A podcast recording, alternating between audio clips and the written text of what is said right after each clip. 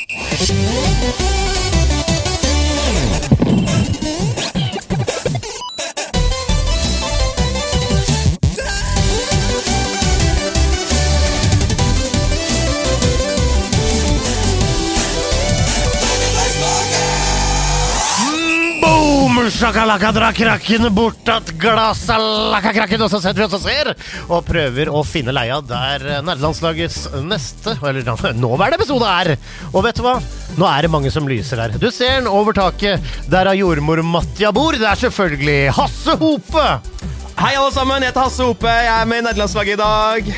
I dag. Ja. Men det er flere overtaket enn jordmor Matti etter å ha dratt en krakk bortatt. Og det er selvfølgelig mannen med planen, mannen med capen, som har lovt at han kanskje tar av seg genseren i dag. Vi får se. Det er Andreas Hedemann! Glad. Og det var det, eller? Glad. Nei. Nei. Hva? Fortell. Altså, altså dagens catchphrase er glad. Glad. Og det skal være veldig spesifikt at det skal sies sånn. Det står her uten noe utropstegn eller uten noe punktum, bare glad. Og så skal sies med litt høyt stemmevolum. Ja. Glad! Glad! Hvordan, skal, hvordan kan man si noe høyt uten utropstegn? Veldig, veldig vanskelig. Glad. Glad. Glad. Glad. Glad. Ja, den er bra. Ja. Glad. Og det Fikk du, en, fikk du en én catchphrase denne uka, Andreas? Var det det som Nei, skjedde? den har ligget i innboksen en god stund. Har, du- hva mener du nå? Du har fått inn mange med denne her og på en måte bare Den den steget ja. frem? Ja, den har det. Fordi det, jeg liker begrunnelsen. Ok. Det er det som er greia. Her kommer begrunnelsen. Den bør brukes litt tergende når det skjer noe kjipt med en venn i et spill. Eh, Det er meget anvendbart og brukes aktivt i min spillergruppe. Sånn at for eksempel hvis vi spiller da PVP CS, eh, og jeg eh, knuser deg, og du dør Glad! Ja Og så skal du bli sur fordi jeg sier glad! Ja, Så jeg kan si sur. Ja, ikke sant? Jeg kan si ambivalent har- fortsatt livet, men lag vi tapte. Og så har vi det gående, da. Det men det, det, med, med den konteksten der så for deg hever, den hever, hever seg fra to av ti til syv av ti. Å ja, helt opp i syv. Se for deg at du og Tete Lidbom sitter og spiller Fifa, og så scorer du på han. Glad! Sur på deg nå. Get, Get in! Get in! Takk til deg, Hyronius. Hyronius! Det er en slags Tinctorius. Glad. Glad. Torius. Ta så, ta så prøv dere òg, da, hjemme. Ja. Prøv dere òg. Glad. Jeg tenker egentlig alt vi eh, sier i podkasten, kan folk prøve hjemme. Altså Når vi har nyhetsspalte, prøv å si nyhetene høyt Ja. i rommet der dere sitter. Men hvis du sitter i åpent landskap spesielt nå, Ja. se deg rundt. Ja. Og så sier du 'glad'. Ja, ja, det syns jeg dere skal. Ok, dere. Hvordan har dere det, da? Hvordan har uka vært? Det, har, det var jo episode 200 forrige gang. Det var Ja. en fest av en kavalkade. Eh, hva nå, tenker folk? Hva nå med deg, altså? Ja, så Det er den vanskelige 201. episoden. Det er Så absolutt det, ass. Det er liksom, hva- Hvordan skal man følge opp, følge opp det der? Eh, Både sånn tallmessig og innholdsmessig. Det var Ja. jo en, et fyrverkeri av en episode. Ja. Eh, jeg har heldigvis vært uh, på Malta i en uke. Mal Oi, altså Malta, Oh. en av dine favorittsteder? Det er en av mine favorittsteder. Du har rett og slett blitt en Malteser. Jeg har blitt en Oi, Malteser. altså, Eh, det er sjokoladen som da er oppkalt etter uh, demonyme. Ja, men nå må du fortelle litt. Altså Slutt om Maltese, og så forteller du litt. Dette er kjempebra. Ja, det er godt. tusen, Skulle tro at Ida satt der. Ja. Um, nei, altså jeg var der på en jobb, og så forlenget, forlenget jeg dette med en uke. Uh, gikk rundt i Valettas gater og så på genuine uh, altså forsvarsverk fra 1200-tallet. Genuine. Ja, helt genuine. De er fryktelig genuine. I motsetning til eh, Falske forsvarsgreier. Ja, men altså, de, kunne jo, de kunne ha bygget sånn Ja! Sånn som man bygger i Harry Potter Village. Ja. Og så er det sånn liksom-slott fra Eller sånn som Eiffeltårnet. Eller sånn som Eiffeltårnet. Sånn ikke- Det skal ikke være et tårn, det skal bare være Eiffeltårnet et falskt forsvarsverk? altså, jeg, jeg er dreper dere. Jeg tenker at Eiffeltårnet er et litt sånn falskt uh, en falsk severdighet. For det var jo egentlig bare til, laget til verdensutstillingen. I Det skulle jo ikke være noe. 1889. Og nå Ja, tror alle amerikanere sånn Yeah, it has been here since uh, year 45. ja. Uh, uh, altså, nå husker jeg ikke hva armeringsjern er på engelsk, men uh, nei. ja. Flybensin kan ikke smelte armeringsjern. Ok, vet du hva? Se filmen eh, Konspirasjonshasse på YouTube. Men vi skal vel prate om noe spill? Ja, da, vi Jeg skal det, men jeg vil bare si at det er et fantastisk sted, og hvis man er glad i Game of Thrones, stikk dit, fordi det er veldig mye av sesong 1 til 3 er filmet eh, der. Altså Kings Landing og The Red Keep. Masse Malta. Ja, Så bare- Genuine forsvarsverk der, altså. Ikke ett ord til fra deg, Nei, bortsett fra hvis du skal si hvordan du har det. Jeg har det bra, og jeg har uh, jobbet. Uh, laget spennende ting som jeg selvfølgelig ikke kan si noe om, da, som øh, vanlig. Men øh, ja, det har vært i Distrikts-Norge. Oh. Ingen genuine forsvarsverk, men en del som ser kunstig ut, da. Ja, som er produsert eh, for å lure tyskerne. Rett og slett. Tyskerne bare ah, Ich kann sehen ein Defenswerken aus. De får gå et annet sted, tenkte de. Og så gjorde de ikke det, da. Nei, de gjorde det. Tok Kirkenes, og så resten er historie. Det var lett, da! Wow, det var, Det var lett, da. Det var lett, La oss starte å komme i gang med La oss starte å komme i gang. Ja. Og det er jo én ting som vi gjør i hele september, som vi ikke er noe unntak i denne episoden.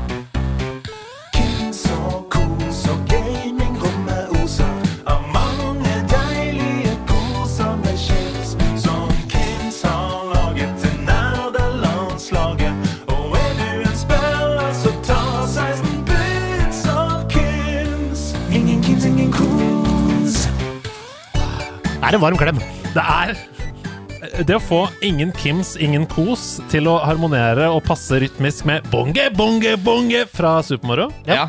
det er eh, Det, kre det krever sin mann eller kvinne. Jeg Ja. tenker at det er vår tids på en måte uh, Try-Mozart. Eh, Hva er Trimozart? nei, det er en som lager utrolig bra reklamekampanjer, da. Eh, Altså, du satte sammen reklamebyrået Try og komponisten Mozart? Ja. Ja, men det, det funker. Ja, så det er litt sånn at på en måte Hva annet har Try Mozart lagd, som du tenker? Er det For eksempel Henning Olsen. Uh, Ispausesangen osv. Vi skal i gang med Kims-segmentet. Kimsy Kims. Fordi, som dere vet, september er jo den store Kims-måneden Mm. i nederlandslaget. Vi har sagt det i alle episodene hittil i september. Kims er trofast med gjennom hele denne høsten, denne, denne teasingen av høsten som vi holder på med nå. De heier trofast på oss. Suveren partner. De, eh, vi dytter jo alle sammen i oss potetgull, vi, ukentlig. Snakk for deg sjøl, dette her er bare kål. Nei da, vet du hva, det blir en del Kims. Ja, det gjør det. Og vi har fått en ny ladning med potis fra Kims. Jeg snakka med Stian og Ida om det i forrige uke. Hva bestilte dere denne gangen? Å, shit. Altså, vet du hva, jeg gikk for uh, den som Det er ubeskrivelig godt, og det Ja. finnes ingenting som er som den, men det er den Den suger seg altså fast i munnen på en helt forferdelig, men fantastisk måte. Jeg snakker selvfølgelig om french fries. Det smelter på tungen på mange ja, måter. Ja, men ikke bare det. Den smelter seg inn i munnen og blir en del av munnen din. Men det er noe av det beste jeg vet. Så. Ja, det er veldig godt. Jeg elsker french fries selv. Hva med deg? Jeg, eh, jeg hadde faktisk eh, French eh, fresh fries fra før av, Ja. så jeg tenkte ikke å, å få det. I stedet fikk jeg klassikeren snack chips, som jeg føler er liksom Det er eh, chipsens eh, svar på i hvert fall en tostjerners Michelin-restaurant. Ja, altså jeg vil si at det er en Rolls-Royce. Den er litt dyrere, Mm. men eh, det tror jeg handler litt om uh, Du kan ikke bruke den samme maskin på den, tror jeg. Nei, de har en bitte liten maskin. De pumper ut ett flak hver dag. Ja. Og så Smaker jo, Jeg syns den smaker Italias gleder. Det er noe Ja. tomat der, det er noe oregano, det er noe pasta i den snackchipsen. Er da tror jeg jeg lurer på om du har sølt litt i snackchipsen. For meg så smaker den bare en jævlig sprø, digg greie. da. Ja. Uh, Jeg syns det er kjempegodt. Det er veldig, veldig godt. det, men det som er gøy med det, er at jeg, hver gang Kim har spurt hva vil du ha Første gangen så var det den nye Air Crunch-greia Ja, som gikk for. Og jeg har jo spist meg Altså, jeg har spist en kasse, men det går jo ikke an. Men nå er det french friesens tur, så da kommer jeg ikke til å ha hud igjen i munnen. Fordi det er det beste jeg vet, og den setter seg fast. Men du gikk for snackchips, ja. Jeg Jeg gleder meg til neste gang. Ja, gjør det. Eh, Det anbefales. Det er en klassiker. Men Andreas, jeg vet at du virkelig har slått på stortromma. Ja, denne, jeg, Camilla og jeg på deling har fått pepper punch, paprika kick og salt crunch. Vi har fått tre kasser. Nei, det er ikke greit! Okay, det, var ikke, det, det var ikke dealen, Andreas. Don't get high on your own supply. Så hva er dette for noe? Jeg får én kasse, så skal dere ha tre? Dere har ikke godt av det oppi der. Nei, det er veldig sant. Vi har ikke godt av det. Eh, men september er chipstember. Det har vi sagt tidligere også. Dere som hører på, dere kan vinne premier hver eneste uke. Hva kalte du dyret? September er chipstember! Chipstember! Det føles ut som bare tatt et ord og satt før. Det kunne vært Kipstember. Det kan være hva som helst. Jeg tror Chipstember er helt nydelig. Choktober- Når er Nei, det? passer ikke. Nei, det- Chipstember. Eh, alt dere trenger å gjøre, dere som hører på, det er å gå inn på nederlandslaget.no slags Kims. Registrer dere med mailadresse. Det er altså over 1500 som har registrert seg Shit! med navn og mailadresse. Um, dere er med i trekningen hver eneste uke av en nydelig eksklusiv kosedress fra Kims og en kasse med valgfritt potetgull. Men kjernen, uh, rosinen i pølsa, den står i hjørnet der. Hæ? Det er en PS5. Ok. og Ok. det er en PS5! Det er en PlayStation 5! Det står der! Det står der! Og ikke bare det, du har gjemt den bak en kosedress! Ja, for at ingen skal stjele den! Ja, og nå veit dere det. Tyver der ute. Hvis dere kommer for å stjele den, det ligger under kosedressen. Vet du hva, Hvordan går det Paul Enger? Har du bøffa noe i det siste? Men jeg må bare si det. Den andre vinneren som vinner en kasse med valgfritt Kims potetgull og en kosedress, den er trukket, og vinneren er Silje Dale! Silje Dale. Og som Henrik Kim skriver, eh, Stian syns det var veldig skuffende at han ikke het Kim. Ja. Men dette her har jeg lurt på. Hvem er Kim? Ja, men ingen vet. Hvorfor er det bare hans? Jeg vet ikke. Henrik er det nå, i hvert fall. Random.org bruker han til å trekke vinnere her, og han sier at de trekker to kvinner på rad. Det må være gode nyheter for en podkast som har som mål å få kvinner representert i gamingkulturen. Ja da! Og det må være bra for en bedrift som har lyst på kvinner representert i chipstemberkulturen! Chipstember. Men gå inn på nederlandslaget.no slash Kims. Registrer deg du også, så kan du vinne kosedress, du kan vinne pottis, du kan vinne PlayStation 5! Det bare- står her. Det er helt sykt. Vet du hva du vinner? Du vinner en livsstil, Andreas. Det er rett i dressen, en chips på magen der, og så litt PlayStation 5-spilling utover høsten. Det er Chipstember for deg, det. Jeg synes stemmer for deg, det. Apropos livsstil, hva spiller du om dagen? nå? Åh, vet du hva, det er det beste jeg har hørt. Nei, altså Det har vært mye opptak, og da er det jo klart at uh, Switchen er med. Det er sånn det er når du er på location og du er ute og finner på stas og moro. Og jeg har rett og slett blåst støv av en gammel erkeklassiker på, eh, på Switchen min. Det er rett og slett Cuphead. Åh, for et spill. Altså, Ja. Cuphead. Ah, Ja, fortell hvorfor det er så nydelig. Altså Dette er jo animert, eh, klassisk, eh, klassisk eh, ja, årstallsstil, som det heter. Det, hjelp meg, Hasse. Som- 20-talls. Ja, 20-talls, eh, 30-talls. Ja, ja, animasjonen fra den Ja, tiden. med veldig sånn bøyelige lemmer, og alt er liksom Ja. veldig boing. Ja, Dere kan ikke se meg nå, men det er sånn en karakter sto aldri stille. Den Ja. vippa sånn opp og ned på armene. Ja, ja. Så, så Det ble tegnet sånn før i tiden fordi det var lettere å ikke ha med ledd. Ja. Altså Det var veldig vanskelig å tegne ledd eh, på den tiden, så derfor hadde de bare en lang, bøyelig eh, Som en slags gummislange. gummislange. Ja. Mm. Nei, dette er jo et utrolig nydelig spill. Håndtegnet fra ende til annen. Superpresist. Sidescrolling. Uh, platform, ja, platform shooter, rett og slett. Ja, ja, er- Og vanskelig som sådan. Og du, vet du hva, det er for viderekommende. Men det som er så utrolig gøy med det, er eh, det begynner å virke, altså det virker helt umulig, men så får du den Git Good-vibben som Jeg vet ikke om noen av dere er interessert i det. Jeg har i hvert fall aldri tenkt noe på det, men er det. Git Good. Nei, men altså, det er eh, et nydelig spill, og det er perfekt for Switch! Mm. Fordi det er eh, Det performer 100% like bra som det Ja, ja. du gjorde, eh, gjør på alle andre plattformer. Mm. Og så plukket jeg det opp igjen. Jeg har rundet det en gang før, men det er en ny karakter med, og det er litt Mm. spenning og gøy, så Et av de mest imponerende altså først, altså De som lagde dette hadde, de som lagde spillet, hadde aldri laget spill før. Og sånn sett et av de mest imponerende førstegangsspillene som eh, jeg har vært borti. Jeg syns det er helt sjukt. Altså at hver eneste Jeg har sett en dokumentar om produksjonen av det spillet. Hvor de sitter der og tegner frame for frame med, blyant og fargelegger og holder på over sånn her ly gammel lysprojeksjon, og det er veldig, veldig gøy. Um, og det er et fantastisk spill. Det er en utrolig god progresjon i det. Vi spilte det jo i spillklubben i nederlandslaget i sesong to, eller hva det var. Eh, og elska det begge to. Jeg runda det til og med da, fordi jeg ble så hekta på det. Uh, tror jeg har lyst til å plukke det opp igjen, altså. Um, det er vel noen sånn mulighet at du kan få 198% completion eller sånn på det spillet. Ja, Oi. altså jeg har ikke plat that shit eh, Nei. på noen som helst måte, men eh, det er eh, Ja, det er, altså, det er masse ting du kan gjøre. Du kan liksom få disse scoresene på banen og sånn. da Det å komme seg gjennom dem er jo første mål. Mm. Men etter det så kan du få rating, da. Men eh, altså Altså, det er morsomt, det er humoristisk. Det er liksom tidsvitne til eh, inspirasjon Altså inspirasjonen å komme fra. Og måten de har lagd det på, er jo helt uinteressant. Jeg mener at det kanskje er en av de aller beste spillene, både visuelt og teknisk, som er lagd. Så Ja, jeg kan spille igjen og igjen. Noe annet du har uh, plundra med? Om du har plundra noe plunder og heft? Ja, Har du plundra med noen andre spill, eller? Du, jeg har eh, vært på mobil, spilt litt Heartstone. Eh, ja, for det har kommet ny eh, dette, Nei, ikke helt enda. Minisettet kommer straks. Dette nye Titans minisettet, da. Kommer det snart. ja, men jeg gidder ikke å snakke med det om deg, Grandmaster Flash. uh, fordi jeg spiller på et annet nivå. Uh, har en litt spennende Har du Murlocs? Du veit da, vet du. Gjør så godt du kan. Det er gøy. Jeg spilte Battlegrounds rett før vi gikk i studio her. Jeg satt utafor, var litt tidlig ferdig, dro en liten runde, kom på nest sisteplass, da. Så det var greit. Jeg Ja, hadde, var ikke helt med, da. altså, er du rett og slett liksom en sånn Og du faller av nå? Det er litt sånn Edgar Davids på tampen. Nei da. Men men jeg, jeg spiller det jo mye mindre alvorlig nå. Altså Jeg spiller det ikke som en sånn 'jeg må bli legend'. og Jeg bare tar en kamp her og nå. Eh, Her, nå og da, mener jeg. Eh, Ikke her og nå, det er et uh, ukeblad. Eh, Det var et ukeblad, for de som husker det. Men, Men- nei, eh, det, det har vært det, og så har det vært litt Fifa. Ja. Eh, som vanlig. Det er jo en svanesang nå, og vi er jo veldig spent på hva som skjer der. da FC football. Ja, ja, ja, ja, ja. Ja, blir det noe Tess? Ja, altså det, er- det er helt umulig å si, men de har jo noen lag og noen rettigheter. Og jeg snakka litt med Ken Vasenius, eh, en god venn av eh, både Sidequest og podkast. Ja, ja. Og nei, det blir eh, spennende å se altså, hva de kommer opp med. Utover det så har det, det, er det, som, det er det det har vært tid til, rett og slett. Men nå er det jo Lies of P, da. Ja, Lies of P. Vi kommer tilbake til EA Sports FC og også Lies of P litt senere i sendinga. Hva med deg, Hasse? Hva er det du spiller? Spiller, altså eh, fordi jeg har vært eh, bortreist, så har det gått i såkalte mobilspill. Altså spill du kan liksom laste ned til eh, enten IOS, til Android Og snakker du om på selve den du ringer med og sender melding? Hæ? Ja, ja, ja, altså i nå, nå for tiden så kan du jo laste ned alt til disse Altså du- kalkulator eh, Det er ikke den tingen du ikke kan få på mobilen. Helt utrolig. Så jeg har spilt masse mobilspill, og det har gått i, i tre hovedsakelige. Et Ja. spill som jeg har snakket om før, som jeg hentet opp igjen, som heter Framed. Som er rett og slett er et slags eh, Det er en slags tegneserie eh, der du følger en spion som skal eh, komme seg fra, fra venstre i tegneserien til høyre, og så må du flytte på rutene for å få det til å bli riktig Ja, det er fett! til å gå opp. da At han liksom, Her er en stige, men den stigen må du flytte til kanskje til andre rute, sånn at han kan komme seg opp på den ledgen til neste rute, osv. Men er det prøv og feil, eller er det sånn at hvis du flytter den, så bare Nå må du begynne helt på nytt igjen? Eller er det bare sånn at du kan flytte ruta rundt og spåne og Det er eh, den lyden som du lagde nå. Lag den en gang til.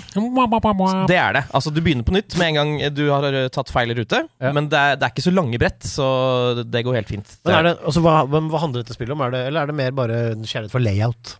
Nei, altså, historien kommer ikke til å vinne eh, Gullstikka? Ja, George Bernard Shaws gullstikke for beste manus. George Bernard Shaws gullstikke? Det er ikke lov å si. Nei, vet du.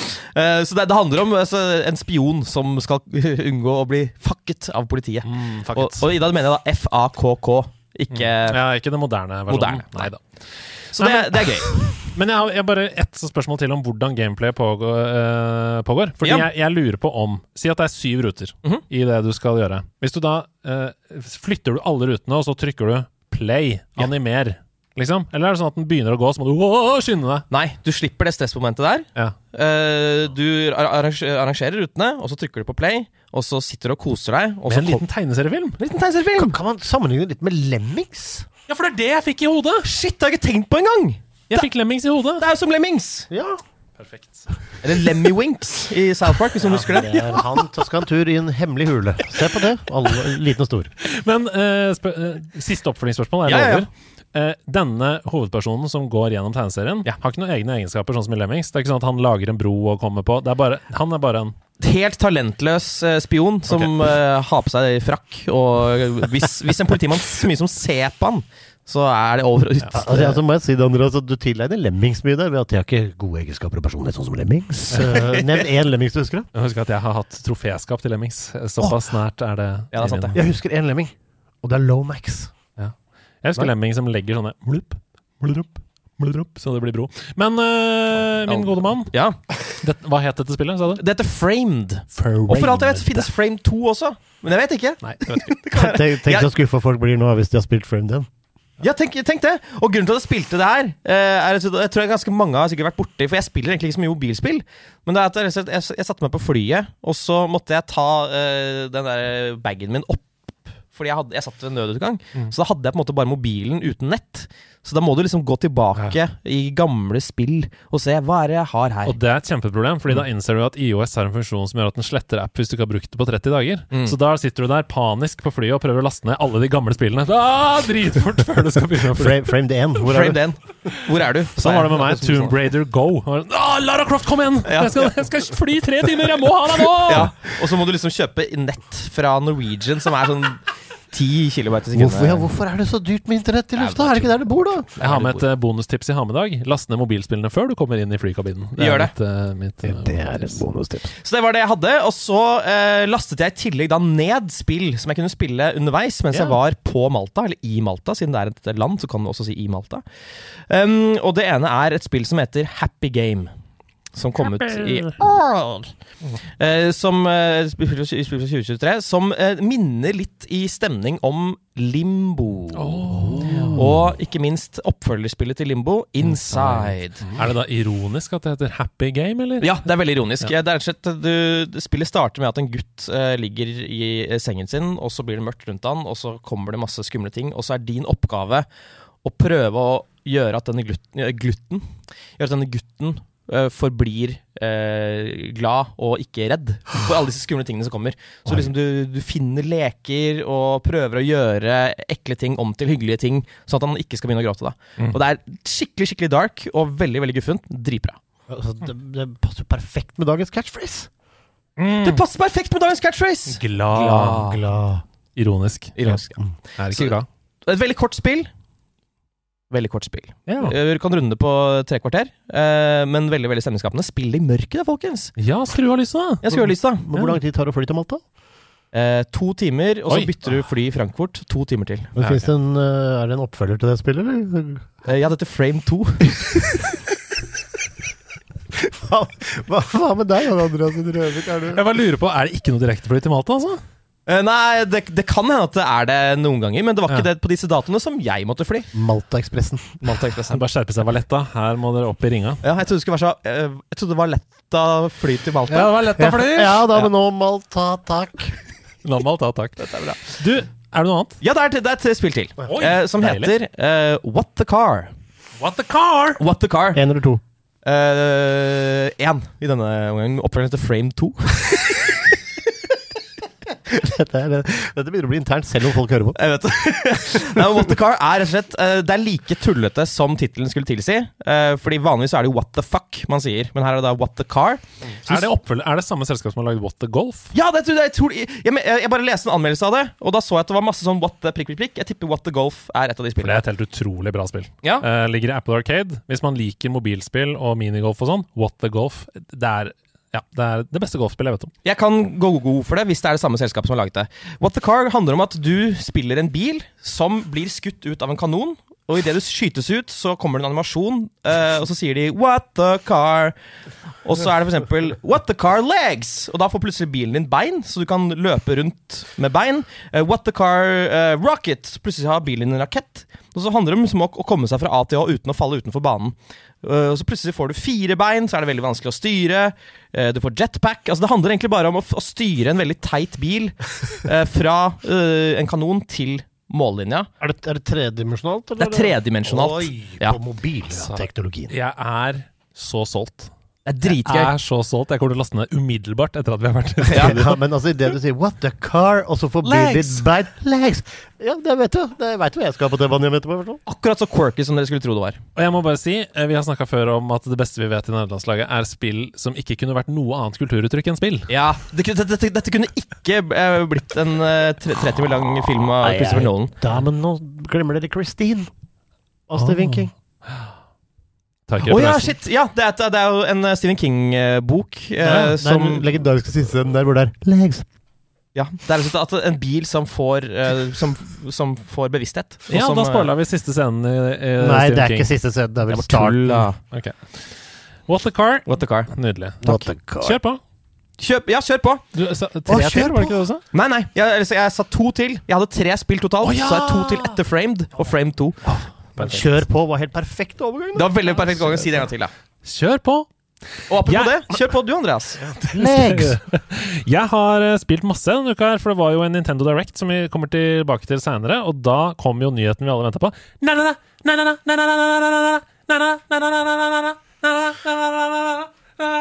Og der var slaget et faktum. Mest opphakte uh, hører at dette er uh, menymusikken til F-Zero på Super Nintendo. Yes. Og så videre. Det er bare én tone hele tiden. Uh, på Nintendo Direct så forventa vi jo da en oppfølger til F-Zero. Dette spillet som ikke har fått noe nytt spill på 20 år. Det vi dessverre fikk, var et F-Zero 99 Battle Royale. Hvor man spiller mot 98 andre spillere og skal komme seg gjennom Mute City og ehm, baner som eh, Windy Town. Jeg husker ikke hva den heter. Windy Town. Ikke hva den heter. Den heter Wind eh, et eller annet. Det tenkte jeg sånn For et salig kaos. F-Zero er et spill som med vilje skal være vanskelig å styre. Du må venne deg til. Det er nesten litt som Super Monkey Ball. Det føles ofte som om du styrer banen like mye som at Ja. du styrer bilen. Mm. At du på en måte snurrer banen rundt bilen, på en måte. Eh, hvordan i huleste skal dette gå å spille mot 98 andre på likt, tenkte jeg. Time Trials du har kjøpt? Nei, det er 99 på samme bane på likt. hva. Det høres eh, Men da kan jo Da må det være breiere bane, vel? Har aldri tatt mer feil. Hæ? Jeg er fullstendig avhengig av FC 99. Det er så gøy! Det er så gøy! det er så gøy! Adresse, adresse, adresse, adresse, Jeg, har, så mange spørsmål. Jeg har ikke fått tatt så mye TV-spillene. Her kommer det. Du vet at jeg er glad i FC Zero. Ja. Ja. Uh, Mute City er den beste, en av de aller beste låtene lagd i TV-spill ba, ba, og så videre. Ja. Uh, ja. Eh, nå er det viktig for meg at du først setter uh, premisset. Hvordan ser det ut? Det ser ut som Super Nintendo, som vi husker det, bare, bare deilig og moderne. Så det er selvfølgelig widescreen, eh, det er bredere bane, men det føles som det føltes da vi spilte i kjelleren. Um, Kan så det er fantastisk. Musikken er nøyaktig som den var, bare moderne, uten at den er som i Mario Kart. Altså, den er eh, 16-bit, men bare crisp, crisp og deilig, eh, med masse nyanser i lydbildet osv. Ja. Ja, nei, altså, jeg husker vi hadde jo et Oslo OK-møte hvor det annet var en F-Zero-turnering hvor jeg knuste Ja, da var alle det god, ja. sånn, eh, Du kommer til å prestere godt i F-Zero 99, det kan jeg bare si med en gang. Hvor mye er det nå, sendingen før jeg kom? Og så må jeg bare si F-Zero 99 er inkludert i Nintendo Switch Online. Oh. Ok, greit. Så Yes. hvis du har, hvis du har basismedlemskapet av Nintendo Switch Online, så var det sånn Dette var en sånn deilig eh, Nintendo-konferanse hvor det var sånn F-Zero 99 is available today, sa de i konferansen, pressekonferansen. Så de bare slapp det. Uh, Shadowdroppa det, liksom. På- Eh, du spiller Du begynner med å spille mot 10 andre, så spiller du mot 25 andre, og så spiller du mot 98 andre, og så sier spillet til deg gratulerer, du er klar for å spille F-099 så det er en fin kurve når du starter, og så kjører du på. Du kan vinne badges, du kan få trofeer som viser hvor god du er, du kan få uh, forskjellige bakgrunner til bilene dine, og en sånn score-greie, og, og hele poenget handler om selvfølgelig å chase denne førsteplassen, Victory Royale. Som jo alle disse Battle Royale-spillene er. Jeg har klart det, og det er den sjukeste følelsen. Altså, jeg fikk så høy puls når du kjører det spillet som går så fort, og det er 98 som kniver bak deg. Og alle som kjenner F-Zero, vet jo at det kommer sånne her gule piler bak deg når bilene bak deg nærmer seg. Men blablabla, de er på vei der, og det er på oppløpssiden der, og jeg booster, og jeg har nesten ikke noe håp igjen, og nå kommer jeg i mål, så vinner jeg. Ja, Det var helt nydelig. Du kan velge mellom alle de samme bilene som du Absolutt, det kan du, og de har selvfølgelig forskjellige egenskaper. Noen baner er jo mer teknisk krevende enn andre, som vil si at du noen ganger går i gjerde og får elektrisk støt. Definitivt. Som vil si at da kanskje du trenger litt mer eh, robust bil enn at den har så høy toppspeed, f.eks. Er er, er det sånn da at du på en måte lager din egen karakter? Sånn at du på en måte er deg, du som sitter i bilen istedenfor Captain Falcon? Eller? Nei da, det er det ikke. Det er, det er bilen i seg selv. Ja, okay. Ehm, så er det F099. det er hovedmoden. Du blir satt på én bane mot 98 andre, men det er også flere andre modes som går i eh, syklus. Sånn at eksempel klokka tre så er det eh, stor sånn eh, night cup med masse forskjellige baner som ender på silence, den utrolig vanskelige siste banen, for eksempel. Og så er det sånn team battle, hvor man blir delt inn i to lag, grønn mot rosa, eksempel, og om å gjøre å knuse så mange som av motstanderne på det andre laget, og så får man poeng, og så videre. Så det er masse forskjellige modes også. Utrolig dypt spill, og folk har blitt helt avhengige. Folk er så gode, og det er gøy. Det er gøy. Altså, det, man merker altså jeg har, merker at jeg kommer i touch med min egen dødelighet når jeg tenker på alle de spillene som kommer om dagen. Ja, ja. er- altså, ja. Men F-Zero 99 det, det, det er jo et lite spill, så det tar jo ikke noe lang tid å laste ned. Det er veldig sånn pick up and play. Du bare skrur det på, spiller en runde, legger det ned igjen. Ja. Liksom, Og jeg du kan, jeg kan like det også, selv om jeg aldri har spilt F-Zero på Super Nintendo. Hæ, har du ikke spilt det? Nei. Absolutt. Utfordringen er bare at det er en litt øh, Det er en litt spesiell kjørestil. Mm. Altså øh, å svinge f.eks. med D-paden, øh, eller med analogstikken, svinger voldsomt mye, for eksempel, Så du må venne deg til at det er små bevegelser som skal til. og Så det sånn. er ikke sladding? Nei. Eller du kan, du kan sladde flaps, med, med, med flaps med venstre og høyre og sånn, men det er en slags wipeout møter Ja. øh, et arkaderacingspill. Nå snakker du mitt språk. men- Wipeout, sponset av Red Bull. Bitte liten uh. Eh, Kan hende jeg har en japansk uåpna i plasten-utgave av det på Super Nintendo. Det originale F-Zero. Kan hende jeg har det. Jeg har, se, jeg har sett den. Jeg har til og med fått ta på den, faktisk. Nei, Det er ikke lov. Vi skal videre til et spill som Ida anbefalte forrige uke, som Camilla sa det må vi spille. Jeg har lyst til å spille det. Vi har ikke spilt så mye sammen i det siste, og det var utrolig gøy å endelig kunne ta opp et coop-spill. Det heter The Past Within. The Past Within. Og fordi vi snakka om såpass mye om det forrige uke, og uh, delte av det i Story på Instagram og sånn, så skal jeg ikke bruke så mye tid på det. Det er et eh, coop-spill der hvor dere har hver deres skjerm. Den ene kan sitte på mobil, den ene kan sitte på Switch, den ene kan sitte på PC. Det er, eh, og det koster veldig lite. Det koster 30 kroner per plattform, tror jeg. Og så i mitt tilfelle så sitter da Camilla i sofaen og spiller på Switch, og så sitter jeg på PC-en. Jeg ser et rom i fortiden. Hun ser det samme rommet i framtiden. Og så må vi snakke sammen og gi hverandre koder som gjør at hun kan låse opp. Det er et slags escape room. Hun kan låse opp ting i sin verden, som gir meg koder som gjør at jeg kan låse opp i min verden. Og så er det en historie som skjer der fram og tilbake. Kjempegøy. Kjempegøy. Så dette er eh, det perfekte couch co-op-spillet. Perfekte couch co-spill. Hva heter det, sa du? The Past Within.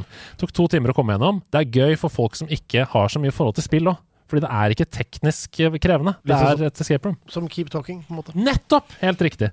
Jeg har fått et tips av Martin Sleipnes om et spill som heter noe sånn uh, Project Det er noe sånn spionspill som er litt av det samme. Jeg husker ikke helt hva det er. Frame 2. Så det skal jeg også sjekke ut med Camilla. Så jeg spilte Pummelparty sammen med Stian og vennen hans fra Bergen. Ja, hva er det?! Ja, altså, vi, vi, vi så det jo, vi har en felles chat, eh, Ja. selvfølgelig, i nederlandslaget, med oss eh, som lager programmet. Mhm. Eh, og da var det plutselig Pummelparty. Ja, Pummelparty er Mario Party. Bare uh, at det er ikke offisielt eh, Nintendo-lisensiert. Så du spiller brettspill på en bane. Det er om å gjøre å drepe hverandre mest mulig og få det som i den verden tilsvarer stjerner å Ja. vinne. Ja, ikke sant. Så det elsker jeg med Bergen. Absolutt masse minigames. Uh, hysterisk. Du kan selvfølgelig laste ned masse mods som du ikke kan i Mario Party. Ja. Som vil si at plutselig så kommer det et minigame som bare er Fall Guys. Ja. Ikke sant? Inni dette spillet. Det er, er, ikke, det er ikke polished sånn som Mario Party. På ingen som helst måte! Det er jo noe av poenget at det ikke Ja. er polished. Altså, Men hvor altså, Hva snakker vi her? Er det som Squid Game-spillet, på en måte? ja. Ja. Det vil jeg si. Du går på, på et brett og får bonuser. Du får bomber du kan kaste på motstandere, og så plutselig er det minigame. Og da kan det være alt fra at man skal spille frogger, altså komme seg over en vei og ikke bli påkjørt av biler, til uh, at man løper rundt og har et FPS. Altså uh, skytespill hvor man dreper hverandre og finner våpen og skyter, liksom. Det kan være alt mulig. Det er et Mario Party uten begrensninger.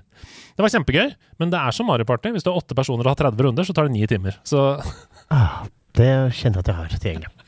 Wow.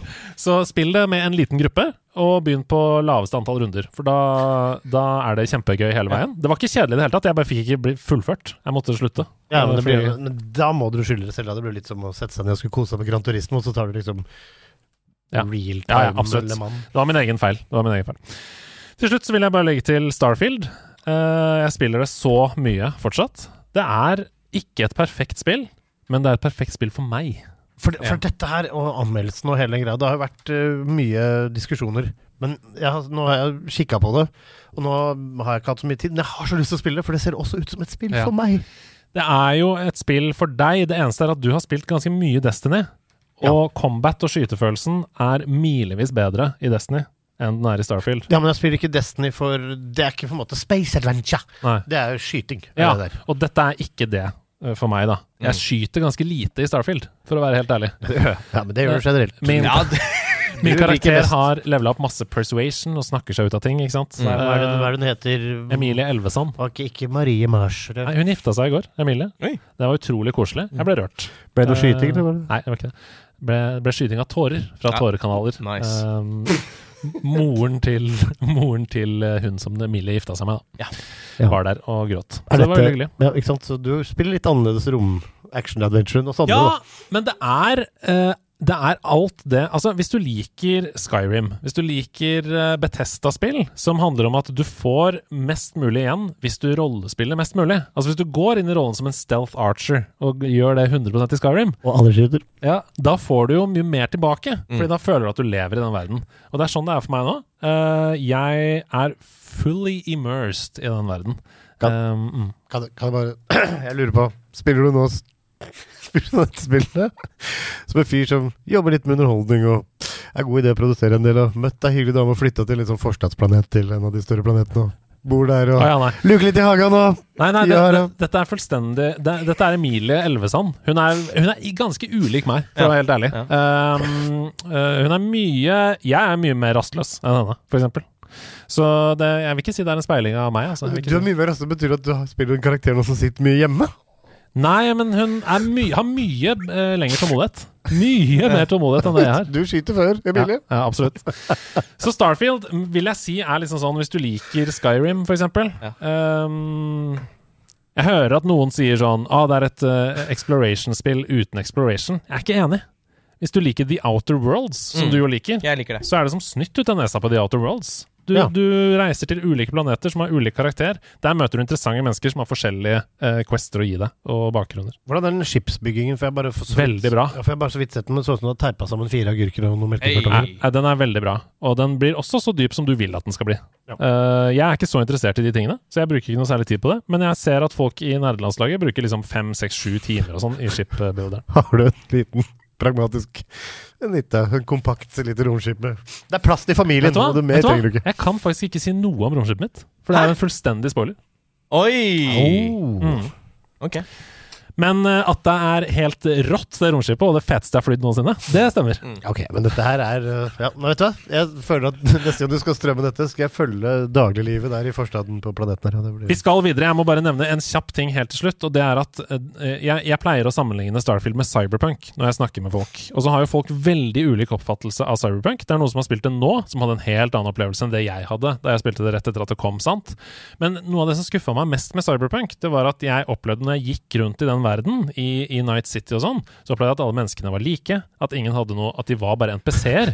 Og hvis du skjøt i lufta, så i alle, alle menneskene i 200 meters avstand gjorde sånn på likt. Ja. Ikke sant? Det var så veldig dataspill, da. Ikke glem at du kunne følge etter NPC-er som ikke hadde noe mål. Ja, som gikk fram og tilbake på gata. Eh, sånne ting er det ikke i Starfield. Nei. Alle NPC-ene jeg møter, opplever jeg at har et mål. De har uh, ulik eh, motivasjon, og de, ha, de er mennesker da, som har et liv i verdensrommet. Uh, jeg gikk inn et tilfeldig dør i Akila City, en kjellerdør der. Eh, og ja, du kan gå inn alle dører, i motsetning til Du kan det. Deilig.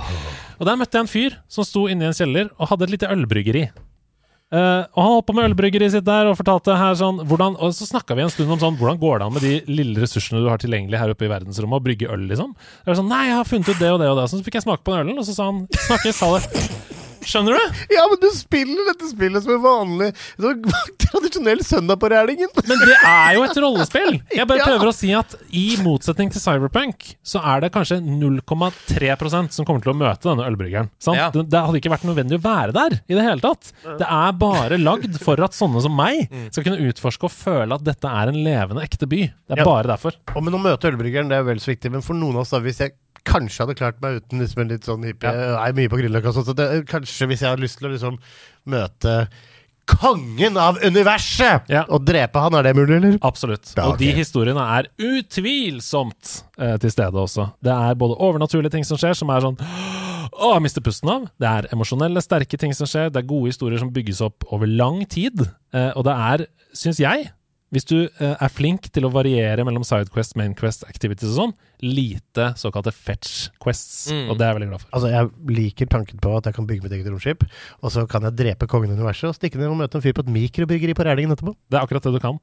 Vi tok en felles avgjørelse i episode 200 om å aldri eh, ha kort ha med dag-intro noen gang igjen. Det betyr at vi er tilbake til originalen. Her kommer det! Ha med dag,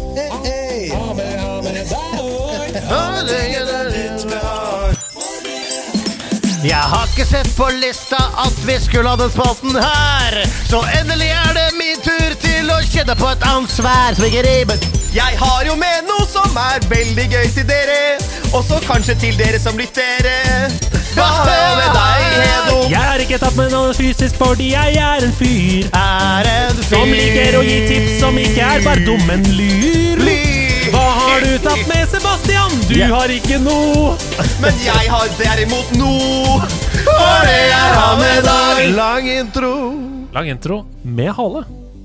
Og vet En hva? slags Det, best of both worlds. nei, Ja. ikke bare det. Altså, vi skjønte at da vi prøvde å trekke den ned i lengde, så var det dumt. Vi utvider. For da kommer den delen. Hva har vi med oss da? Hva, hva, hva har vi med oss Hasse, du har med deg noe, så du kan få begynne. Ja, jeg har med meg noe som ikke er fysisk, Nei. men er psykisk. Oi, mental ting. Er det, er det frame 2? Det hadde vært fantastisk hvis jeg hadde en innramma, uåpna versjon av Frame 2. Unbox. Uh, nei, jeg har med et, eh, et tips til en TV-serie. Kult. Takk. Det er en TV-serie som, eh, som startet i fjor, i, i 2022, som heter The After Party. Å, den har jeg aldri hørt om engang. Nei, Jeg skriver det opp nå med det, det er ikke rart, for den er jo på den litt glemte strømmetjenesten Apple Pluss. Å, det er en glemt strømmetjeneste! Jeg har det inkludert fordi jeg har Apple-produkter. Ikke sant? Det er mange som allerede har det inkludert uten å vite det. Så dette var egentlig noe jeg snubla litt over, eh, og dette er rett og slett en Dere vet jo hvor glad jeg er i Who Done It. Mm. Altså denne Agatha Christie-sjangeren der man skal finne ut av hvem som har gjort et mord. Uh, og eh, serien starter med at en person faller ned fra en balkong. treffer uh, bakken med hodet først, dør momentant. Der starter det. Viser seg at denne personen er en veldig veldig kjent Justin Bieber-aktig artist. Oh, ja. Som har vært på uh, skolereunion. Og etter reunion så har de dratt på nachspiel, et afterparty, og der er det åtte mennesker. En politikvinne kommer for å finne ut av hvem som har gjort det, og hver episode er historien til én av deltakerne på dette nachspielet, som da forteller sin versjon av den kvelden. Og de forteller det som en filmsjanger. Så du har én veldig kunstnerisk dame som forteller det som en eh, tsjekkisk kunstfilm fra 60-tallet. Én forteller det som en Akira Kurosawa eh, samuraifilm. Én forteller det som en musikkvideo. Det er dritbra laget. Det er en som forteller det som en Hitchcock-film. Det er liksom er filmet med sånn altså, eh, 4-3-format fra 50-tallet med filmkorn. Og det er bare dritbra laget og veldig spennende. Det hørtes utrolig gøy ut! Det er kjempegøy. Ja, ja, du høres helt at, Kjempelyst til å høre på det. og- Se på det. Men. Ja, ikke hør på det. Da, da, da har jeg også med meg en mental en, for det, da hadde jeg ikke glemt å ha med dagen. Nei! For dette minte meg på et veldig stiltilt spill. Har du spilt Return of the Obra Dinn?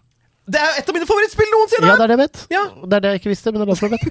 Eh, har du spilt, Andreas? Eh, Ja, det har jeg også. Vet Etter hva? at Hassan spilte, så tok jeg det opp. Ja, Dette svart-hvitt Ja, eh, Her, her, sitter, spionspillet. jeg og driter meg ut, men har dere på laget ikke spilt det? Et svart-hvitt-spill som handler om et eh, East India Company-skip som kommer tilbake etter fem år borte, men alle er døde om bord.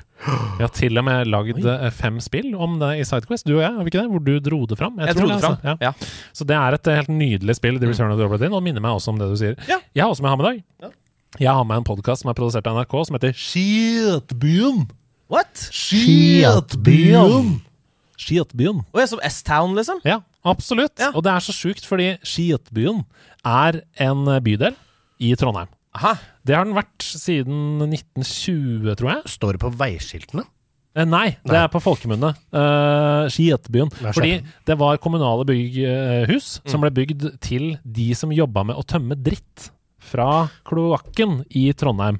Derfor Skietbyen. For kloakken kloakken i Trondheim hadde ikke et renseanlegg. Det var bare den Selvfølgelig stoppa i Skjetbyen. Ja, men det er 1920, mann!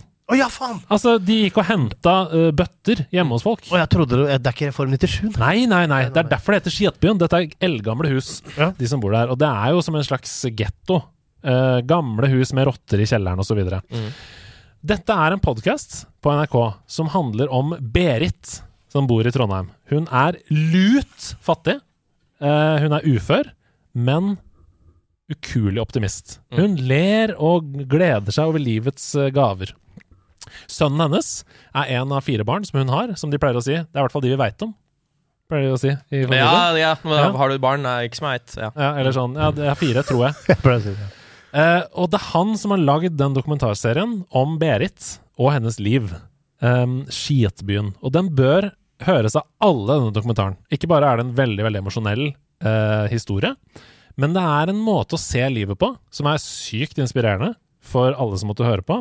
Hun sier det er så mye prat om penger hele tida. Bare i media, og det er bare renter og strømpriser. Alle skal ha penger, penger, penger, peng, hele tida! Sier hun. Eh, og hun var blant annet det, Grunnen til at jeg plukka opp denne serien, var fordi jeg hørte på et intervju på P1 der hun sa Og by the way, jeg syns dere i NRK har blitt dritdårlige! Sa hun direkte på NRK1.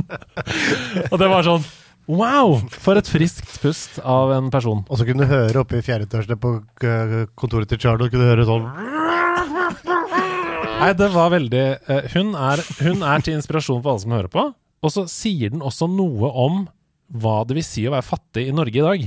Mm. Og det eh, får vi veldig sjelden innblikk i. Og dette er fattig-fattig, altså. Ja, men dette, det- men dette er sånn at man, eh, man ja, Jeg tror ikke det går an å forstå hvor fattig det er. Det er sånn at eh, hun, Berit, får penger av romfolk. Oi, såpass, ja. Som ser henne og tenker sånn Oi. Her skal jeg legge ut for maten din, på en måte. Ja, altså, så, Så fattig. ja ikke sant? Det er, hvis det er businessmodellen din, så Så Skiatbyen Ja, den anbefaler i NRKs, eh, NRKs spiller. podcastspiller. Den Ja. har fått eh, utrolig mye oppmerksomhet i det siste. Gått såkalt viralt. Jeg, ser poster om den overalt. Så det er fem episoder av ca. 20-25 minutter. Mm. Jeg binga hele. Eh, veldig, veldig happy med den serien. Ja, fordi alt er ute. Alt er klart. Alt er klart. Åh, det er det beste jeg vet. Bare gå inn og høre på på vei et eller annet sted. Skjetbyen. Det har skjedd mye siden sist, og vi må sette i gang med det.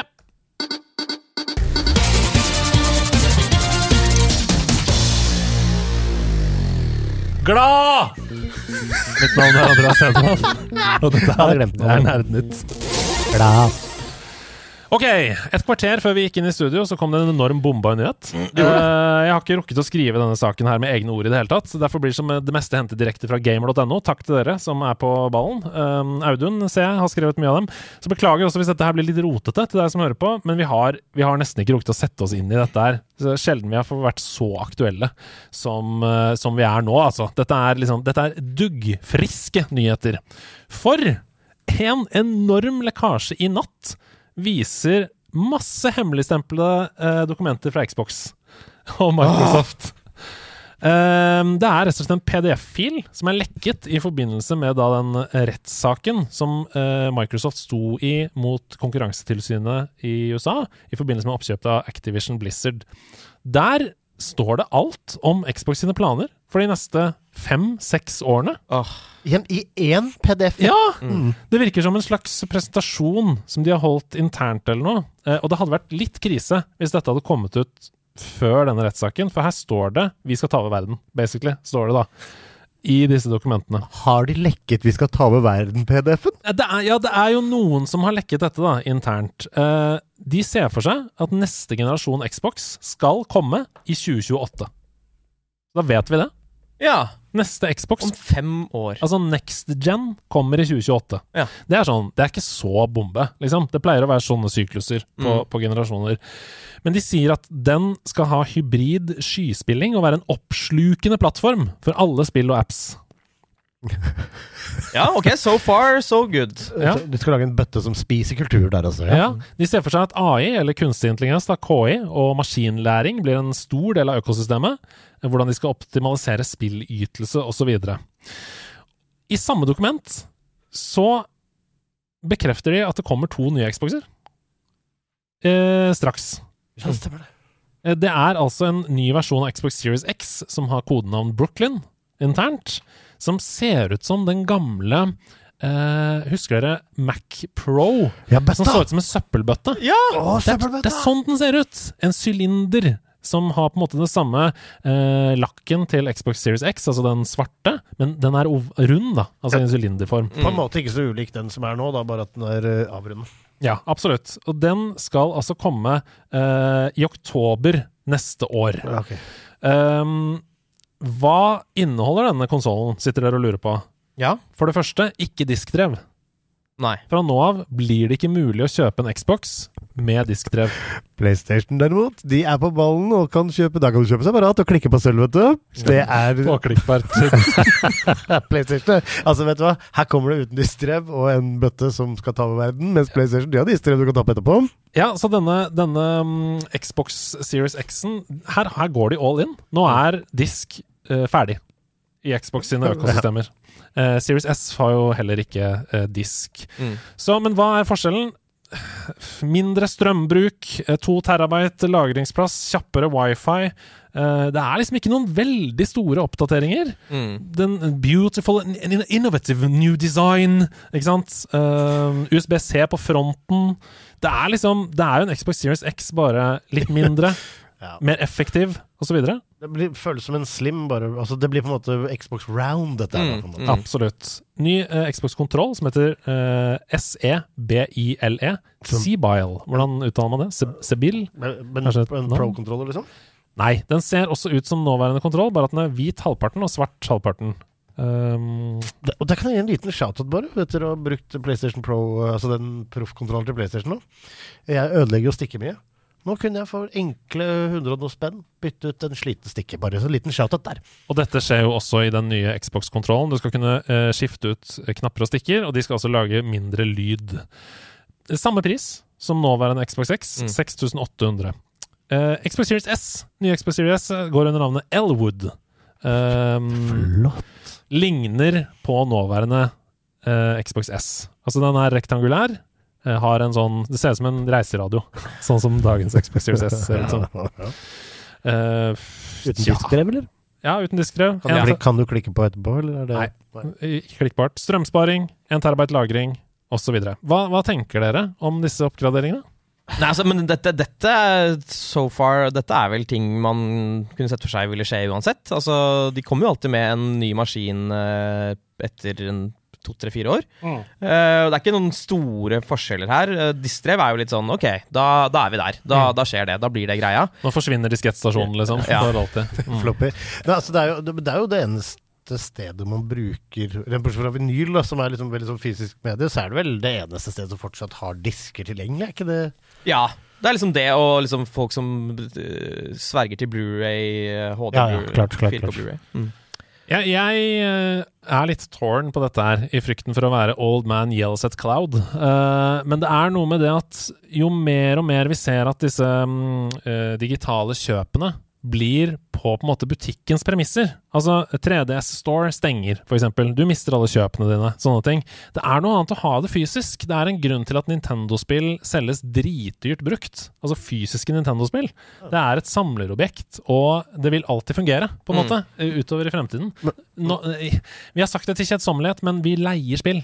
Vi eier dem ikke når Mm. vi kjøper dem digitalt. Mm. Og er det ikke også, Men er det ikke liksom Informasjonen ligger vel ikke på diskene om du kjøper det fysisk heller, gjør det? Altså på mye av det, at det bare Nei, er en det er sant, det. Ja. Um, hvis du kjøper Starfield så, fysisk, så er det bare en nedlastingskode inni Ja. uh, coveret. Ja, og, altså, det er jo waste, men så kan man jo si da, at uh, et spill skal man kunne spille uh, for alltid. Så jeg er helt enig i det, men uh, man får jo bare håpe da, at man får den teknologien til at det blir på en eller annen måte. Så Mm. de har jo den der det Eller det, hva heter det for noe? Den der frøbanken for spill? Mm. Eh, Ja, i Svalbard. Mm. Ja, som uh, Ja, bare for spill. Er det noen som på Svalbard, eller? Det er bra sjukt. Men uh, det, det syns jeg er litt rart med de maskinene her, var det jeg skulle si. At vanligvis så kommer det enten en light-versjon som er mye billigere, Mm. eller så kommer det en pro-versjon som er mye bedre. Mm. Her føles det som de har laget en som er rund uten disker, og du kan ikke klikke på heller. Ja. Mm. Nei, vi, vi får Ja. bare se hva som skjer. Det eneste som jeg syns er på en måte mest dramatiske i de dokumentene, det er at det potensielt Hvis ikke dette er fra rettssaken Dette har jeg ikke kontroll på, folkens, så dere får bare arrestere meg. Men hvis ikke dette er fra rettssaken, så minner det meg litt om en slags Erna-gate, dette her. Hvis disse dokumentene hadde kommet ut før rettssaken, så er det vanskeligere for Microsoft å bevise for Konkurransetilsynet i USA at de ikke er en trussel for fri konkurranse. Fordi de sier i dokumentene sine nå skal vi presse ut dem og dem, så skal vi ta over der og der, og så skal vi bli monopol... Altså, men, men står det det? Fordi, eh, fordi en ting er altså de, de, at Det å annonsere at det kommer nye Xboxer, og at det kommer en helt ny Xbox om, om fem år, er jo ikke noe Det er jo noe alle selskaper gjør. Så det føler jeg ikke på en måte er Jo, å Men eh, imellom der står det jo at vi skal konsumere markedet. Vi skal sluke det, liksom. Det ja, er jo altså, eh, jeg er ja, Hvis det ikke står noe det, så er det noe annet. det er litt sånn som står da i aksjeporteføljen til Sine Finnes. Jeg er ikke noe uh, glad i å sitere IT-avisen, for det er uh, svak eh, presseetikk på den siden. Uh, men de skriver om dette som kriselekkasjer. Um, og de skriver om at dette er et roadmap til world domination, på en måte. Um, For da lurer jeg på hvordan det er det. Ja, det lurer jeg på også. Ja. Jeg lurer også på det. Men vi må, det, dette kommer jo litt bardust på, da, men jeg vil bare anbefale å gå og lese det. Men altså, det som er tydelig, er at du må ikke stjele solbrillene, du må stjele hele butikken. Ja, Det så jeg at jeg skrev på Instagram også. Det var gøy- gøyalt, det. Det vet du hva? Jeg syns det, synes det er passe påskrevet. det. Mm, det er det. Absolutt. Ja, Vi går videre, vi, Uh, til saker som vi faktisk har forberedt. Ukas mest dramatiske sak det skriver nemlig en samlet spillpresse om. Majoriteten av sitatene i denne eh, nyhetsspalten er hentet fra gamer.no, Pressword.no, The Verge og Eurogamer. Det skal handle om Unity. Og Unity er jo en av de mest utbredte spillmotorene i dagens spillbransje. Eh, programmet man lager spill i, da. Eh, Unity og Unreal er de to klart største. Unity er litt større i markedsandel, men de er hakk i hæl med hverandre. Er Unity øh, Herregud, nå sto det helt stille. Hvem Altså, Unreal Engine har Det er Epic som lager Unreal Engine. Ja, nettopp. nettopp, nettopp. Mm. Også Unity. Er det bare Unity. Som er Unity? Jeg husker ikke. Uh, Unity er mest brukt av indie-utviklere, fordi spillmotoren har vært gratis å bruke. Opp til spillet omsetter for mer enn to millioner kroner. Og da er jo spillet en suksess, ikke sant? Eh, blir spillet det, altså en suksess, og omsetter for mer enn to millioner, så må du betale for en pro-lisens. Eh, og det er en egentlig fin betalingsmodell. Mm. Den koster 21 500 kroner per år per bruker i selskapet. Så hvis du er et uh, spillselskap som har en omsetning på 2 millioner på spillet som er lagd i Unity, og har ti ansatte som bruker spillmotoren til å lage spill, så er det 215 000 kroner i året. Det syns jeg er helt ålreit. Det er 10 Ja. av, av inntjeningen. Men er det fordi de ikke har lov til å ha monopol på teknologien, eller? Jeg skjønner bare ikke hvorfor det skal være gratis ellers. Å ja, å ja, sånn ja. Nei, det er vel en konkurransefordel, da. Altså mot andre spillmotorer. Man ønsker å få folk inn, og så når de vet at de har tjent penger, så uh, får man tilbake igjen. Anyways, nå har Unity kunngjort dramatiske endringer i denne betalingsmodellen, som ryster hele spillbransjen. Og dette er ganske sjukt. Det er jo tidligere EA-sjef som nå har blitt sjef i Unity. Det er aldri godt tegn. Men, men anyways. Eh, fra 1. januar så må alle utviklere på denne gratislisensen som har hatt omsetning større enn 200 000 dollar det siste året, og mer enn 200 000 installeringer på spillet totalt, altså i hele spillets levetid, betale en fast sum per installasjon Mm. av spillet. Altså, fast altså, Ok, men det er én sum. Du må betale 2,13 kroner for hver eneste installering av spillet som skjer i verden. Og dette sier de også skal ha tilbakevirkende kraft på spill som allerede er på markedet i dag. Det virker rart. Eh, og ikke sånn at man da skal altså Det vil si at spill, spill som lanseres for noen uker siden, da, før denne endringen ble klar, fra nyttår av, så må hver eneste nye installering som skjer, eh, betale 2,13 kroner dersom spillet har nådd målet om nedlastinger. Hva tenker dere innledende om denne praksisen? Jeg tror at tilbakevirkende kraft kommer du ikke til å få Det- det kan vel ikke være det, mulig? Det går ikke. Nei, det blir sånn som om jeg skulle betale 40 kroner ekstra nå på Fifa 17. Det blir rart. Ja. Men, eh, men eh, nei, det tror jeg aldri i verden kommer til å gå. Fordi avtalen er avtalen på skrivende tidspunkt. Men kanskje det finnes noe liten skrift da som de kan trikse med i forhold til spill som fortsatt er aktive. Mm. Sånn fra nå av. Så selv om spillet ditt var gitt ut for tre år siden, Mm. eh, hvis det fortsatt går, da. Men jeg hva tenker man Nei, om det det? er jo Altså, det handler sånn om å tjene mest mulig penger, da! Ja, det er jo det. Det er jo en sånn omdømme-shitstorm de kommer til å få i trynet her. Eh, Mm. Det er bare eh, De har satt, satt seg ned, sett på tallene. Ja, vi tjener jo ganske greit, men faen, vi kunne jo tjent jævla mye mer. Hvis vi bare legger inn denne lille greia. To kroner per, det er jo ingenting. Mm. Eh, men når, liksom, når du legger det sammen, så blir det masse, masse spenn. Og Mm. tilbakevirkende kraft, det er aldri noe som funker. Nei. Det er bare å skyte seg selv i foten. Men jeg lurer på hva som skjer. Altså, jeg mener å se at Vi ser et slags mønster her. Ja. Først så bøffer Moxnes og solbriller, og så bøffer uh, Sindre Finnes uh, Norge for alt de har. Og nå skal, altså, det, det virker som om folk i toppen har lyst til å tjene penger. Ja, hvor er vi på vei? Altså, Rent sånn praktisk så er det tusen spørsmål. Hva med spill som er free to play, gratis å laste ned, Mm. uh, men som tjener penger via kjøp i spillet? Ja, altså, det vil jo presse microtrans, da. Hva skjer om spillet skal ut på Xbox GamePass? Med Ja. installeringer. Det koster ingenting for brukeren å laste ned. Men, men, men Ja, fordi da kan du, da kan du rigges. Altså, Nettopp, det- nettopp, nettopp, nettopp. Hvis du er en fiende av selskapet, så kan du ha en automatisk AI som laster ned og installerer og sletter, installerer og sletter, installerer og sletter Ja, om igjen. For å uh, gi Men, men ok. Piratkopierte spill, demoer Hva du gjør ut et spill på iPhone, da? iPhone sitt system for å installere spill, det er at det sletter det gamle når du oppdaterer. Så sletter det spillet og installerer det på nytt. Hva med det? Altså hvis det, Ja, ikke sant, Spillselskapene ribbes eh, hver gang de må oppdatere. Men det hadde vært litt digg, egentlig. For jeg syns det er mye oppdateringer. Så akkurat det syns jeg er bra. Eh, Jeg er drittlei oppdateringer. Ta Bygg et ordentlig spill, da. Nei, det gjør jo bare spillet bedre. Ok, Unity de har kommentert noen av de tingene her. Unity de sier at de vil ha systemer på plass for å rydde opp i mye av disse uh, utfordrende spørsmålene. Og så sier de også, og dette er sjokkerende for meg, Microsoft kommer til å ta regningen for alle spillene som de slipper på Ga- på GamePass. Så alle installeringene uh, i GamePass må Microsoft regne med at er de som må betale for. Nei, men, men, Sa du at Microsoft har sagt det? At Nei, vi tar det? Nei, Unity har sagt det. Unity sier det. De må ta den regninga. Microsoft tar det! Det er sånne kjipe, det er sånne kjipe kompiser på restaurant som er sånn der, vet du hva, Hasse tar det, jeg stikker. Og, det, altså, hva det- er dette? Ja, det, altså Hvis ikke de har hatt samtaler om dette, så virker det jo helt absurd. Ja. Unity, altså Vi snakker om millioner av nedlastinger her. Null stress. Microsoft tar det. ja, Åh. ah. men vet du hva? Nå, gjennom, mellom Unity og World Domination fra Xbox og alt som har skjedd, altså, lurer jeg på liksom, Jeg lo meg altså så skakk her forrige episode var av at det, PlayStation skal komme med en maskin hvor du setter- kan klikke på disk-DV. Det begynner å virke som den beste løsningen for meg. Altså. Altså dette her, det er, Du er inne på det, Hasse. Det er en shitstorm av dimensjoner. Noen av reaksjonene har jeg oppsummert her. Unity-aksjen falt umiddelbart, 6 mm. Flere ansatte i Unity har sagt opp. Andre varsler at de kommer til å si opp dersom ledelsen ikke forandrer avgjørelsen.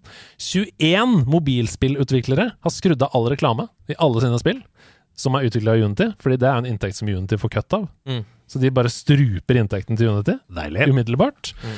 De som har sagt at de vil flytte eksisterende spill som de jobber med i Unity, til andre spillmotorer, eller slutte utviklingen og porte til ny, er blant annet Her er det veldig mange, jeg nevner bare de største. Cult of the Lamb, Among Us, oppfølgeren til Slay the Spire, Don't Starve osv. Megacrit, som er selskapet bak Slay the Spire, de skrev det her på sosiale medier. The Megacrit team has been hard at work these past two years on a new game. Despite the immense amount of time and effort our team has already poured into development on a new title, we will be migrating to a new engine unless the changes are completely reverted. Og så er den favorittsetningen min. We have never made a public statement before. This is how badly you fucked up. Wow! Gåsehud, gåsehud! Ja, Ja, men dette her er altså, det, er, det, å, det er så mye bedre enn bokbransjen. Ja, det er det. Men altså, det, det, det, er, det er det dummeste de kunne gjort. Og jeg tror det som kommer til å skje nå, er at vi går fra å ha altså et slags monopol mellom to engines til å liksom ha Unreal Engine for Triple A-spill, og så 40 ulike mo- motorer til indiespill. Og det kan være en fin ting, det. Absolutt. Ja. Jeg, tror, jeg tror det er bra for konkurransen. Eh, AB, som er utvikleren av det nydelige spillet Venba, som vi ga 85,25 i spillklubben i forrige episode, han skrev dette her. Everyone, please buy Venba! Don't install it. Go to my house and play it on my PC. love it. Gets det, er, in. det er trangt i huset om dagen. Ja, det er det. Uh, og så må jeg legge til til slutt, da, som det ofte er med nyhetssaker, så forandrer de seg jo når ting skjer. Uh, Unity de sa mandag ettermiddag at eh, vi hører dere, vi hører klagene. Vi kommer med en ny update in a couple of days.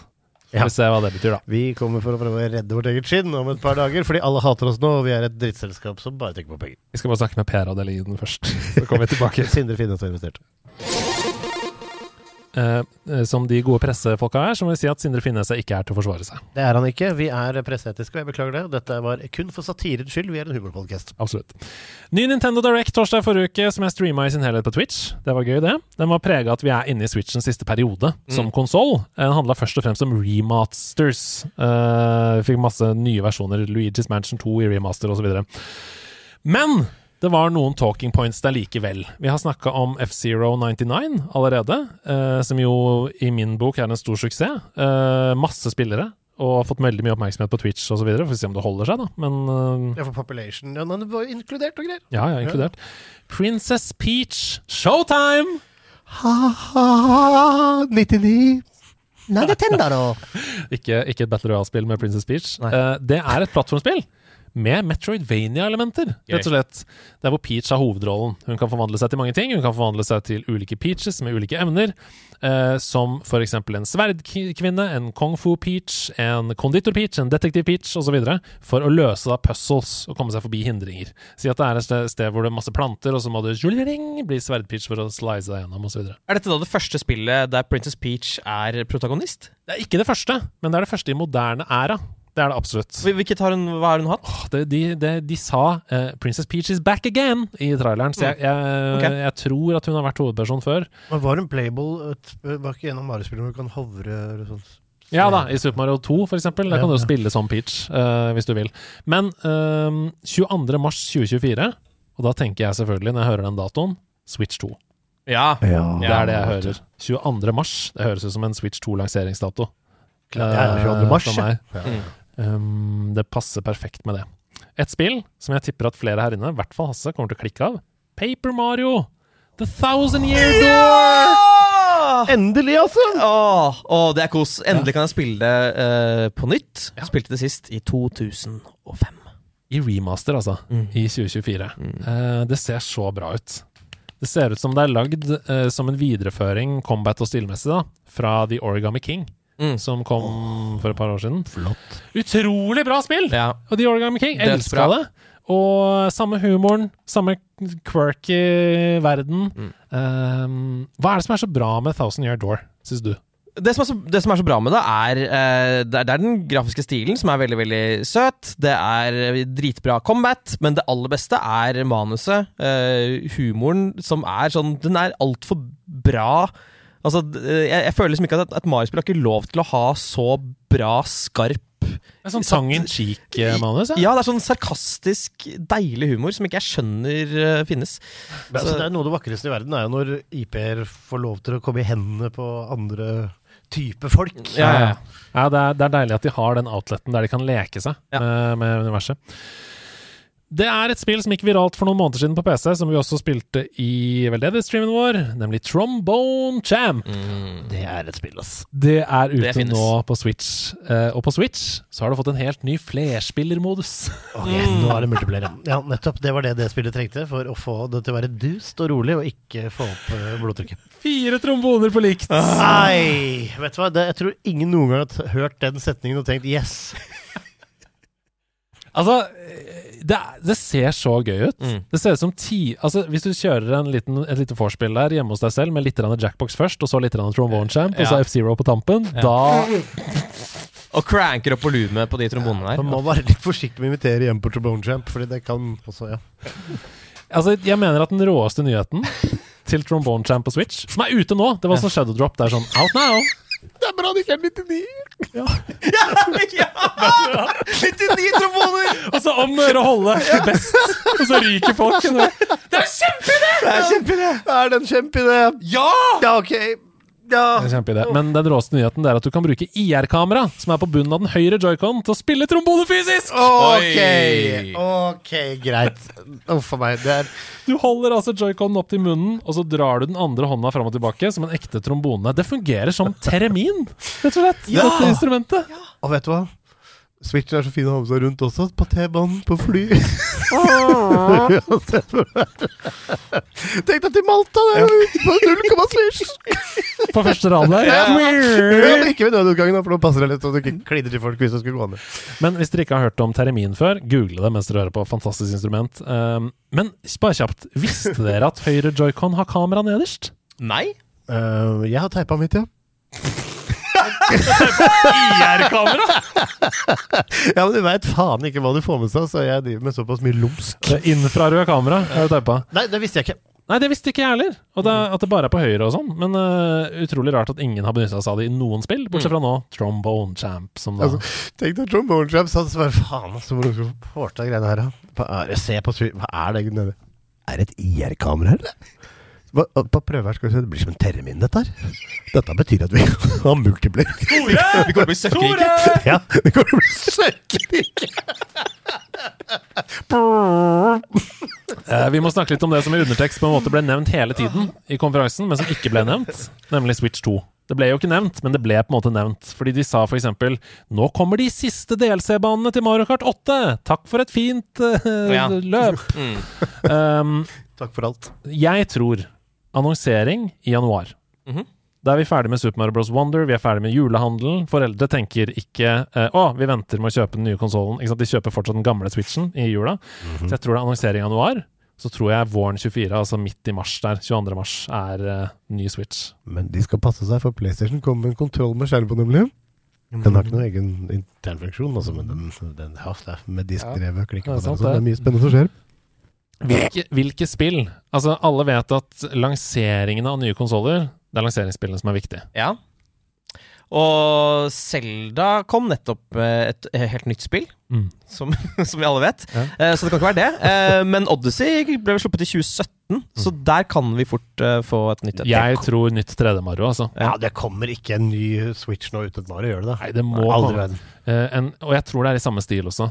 Vi så jo Super Mario 3D World med Bowsers Fury, som Mm. var en slags Ja, hvor de testa ut ideer og sånn, virka det som for meg.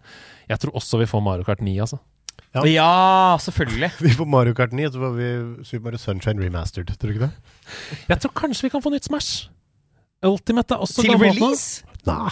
De har jo jobba med det. Men den, Ja, den, den ja. IP-en den lever, de lever jo så lenge de spiller, og det er så bra. Sånn Ja, der. ja. Men det kan skje. Men jeg, altså, jeg tipper altså, Zelda er vel helt uaktuelt, tror jeg. Men Ja, for Breath of the Wild var, var release-spillet til uh, Switch. Mm. Så det må være på det nivået der. Så det må være en av de tre.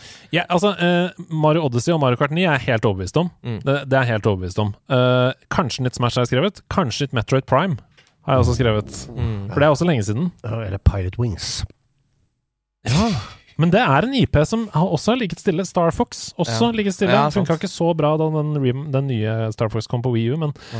jeg har også skrevet at apropos remaster, Black og White er det neste Pokémon-spillet som, eh, Ah. som eh, er i rekka av remasters. Men tror du kan kunne vært et Pokémon Nei, altså, de, det er vel en egen, et eget Nintendo-spill som er release-tittel, tror du ikke det? Det kan ikke være et sånn super 3D, endelig Triple A. Nei, det er, for, sånn. det er for kort siden Scarlett og Violet. Det er sånn andre delelse kommer i mars Mm. til Scarlett og Violet. Så 22. mars, vet du hva. Det, er altså, etter hvert som tid, dette blir en spennende dag for Nintendo-entusiastene. Mm. Vi skal bare dundre på litt her. Det er så masse nyheter vi skal kjøre på. Sony hadde jo State of Play-visning samme kveld. Vi så bare egentlig mer av det samme som vi så under Summer Game Fest. Eh, bortsett fra et par ting. Final Fantasy 7-oppussingen fortsetter. Vi får nå Final Fantasy 7 Rebirth eh, med lanseringsdato 29.2.2024. Altså dette er jo del to av, av denne remaken som skulle komme i tre uh, deler. Og Rebirth kommer da i februar. Vi fikk se en trailer. Vi ser soldater i Junon der, buggykjøring, Chocoball riding, som i alle Final Fantasy-spill. Og så denne fornøyelsesparken Gold Saucer, som sikkert mange husker fra det originale spillet. Det ser, det ser ut som det renner gull av skjermen, altså, det spillet. Ehm, Square Enix sier at dette blir et større spill enn det første, altså en Final Fantasy 7 Remake. Mer frihet.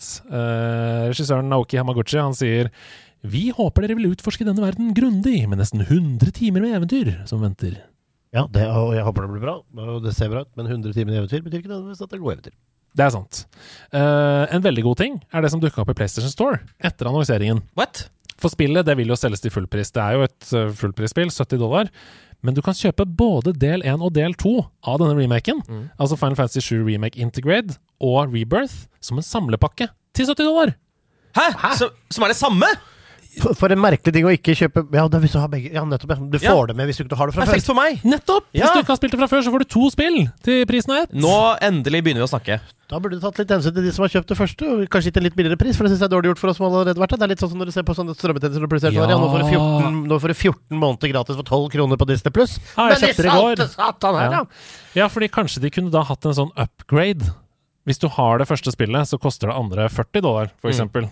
Eh, ja, vi får se. Uansett syns jeg det er en veldig forbrukervennlig ting. Det er eh, for de som ikke har spilt det første spillet. NBA 2K24 er nå tidenes dårligste spill! Ifølge Steam Reviews. Ligger helt nederst på lista! Hæ? Over oh, ja, samtlige er- spill på Steam! Er det sant? Ja! Helt Altså, er det ikke tøys? Nei da, under én av ti på Steam! Shit, altså. Er, men er det helt Er det broken, dette, da? Det er to grunner til at det ligger nederst. For det første så er det sluppet på Steam med PlayStation 4 og Xbox One-grafikk. Altså det er ikke next gen. Fordi okay. utviklerne sier at majoriteten av de som spiller på spillet på PC, kommer ikke til å klare å spille med next gen-grafikk. De kaller det en business-avgjørelse å holde PC tilbake. Så kommer det på Så det kommer altså på PlayStation 5, Xbox X og PC med gammel grafikk! Nei, nei, nei. nei Jo, men det er nei, litt derfor Munch slurva så fælt også. Det skulle liksom ikke skulle være tilgjengelig. Ja, skulle vært tilgjengelig. Men altså, hvem spiller? Jeg har aldri noensinne sett noen spille verken Fifa eller 2K eller noe sportsspill på PC. Det er helt sykt å spille sportsspill på PC. Det er ekstremt mange som gjør det, men, det er Er helt, det? men, det er helt, men jeg er helt enig med deg. Hvem er faen er det som gjør det? Det er flesteparten. Det er de som ikke har konsoll. Ja da, jeg, jeg, alt greit, men jeg har bare aldri sett det. Nei, det er 10 000 reviews cirka, som gir dette da under Altså som gjør det til det dårligste spillet noensinne. Så det er den første delen. For det andre så er spillet Det er helt sjukt stappa med mikrotransaksjoner. Altså, det er, det er, dette, er noe, dette er noe av det groveste jeg har sett i hele mitt liv. Altså ikke bare i Foot eller den uh, Ultimate Team-varianten, men overalt, liksom. Spillet koster 900 kroner på PlayStation Store. Salte. Det koster 700 på Steam! I gammel grafikk. Og her er noen av tingene. Du er nødt til, å- du er nødt til å kjøpe digital valuta for å unngå en helt sånn syk grind. For poenget med denne delen er at uh, når du begynner å spille uh, 2K204, så begynner du med en veldig dårlig spiller som har 60 stat points. Og så må du, for, du- for du må vinne kamper, du må spille og uh, XP for å kunne vinne stat points som du putter inn i et skill-tre som gjør at du blir bedre i passing, bedre i shooting osv. De første 20 timene av spillet, sier folk, så bommer du på flere sk skudd enn du treffer fordi karakteren er så dårlig. Du kan ha noe I de 20 første timene! Men han er i NBA. Eller hun I tillegg, altså det, det er det første. Så uh, For å få en brukbar opplevelse, så må du kjøpe masse virtual coins til å levele opp karakteren din. Så må du kjøpe kule feiringsanimasjoner. De følger jo med i Fifa for det meste, eh, men her er det ingen animasjoner når du scorer, f.eks. Du må kjøpe dem. Blir du, Er det deadpan når du scorer hvis ikke du betaler? Nei, det er bare sånn helt standard hey, eh, han Ok, for da. Kan armene rett ned, og så må noen spiker, liksom. I tillegg til det helt vanlige, da, kosmetiske.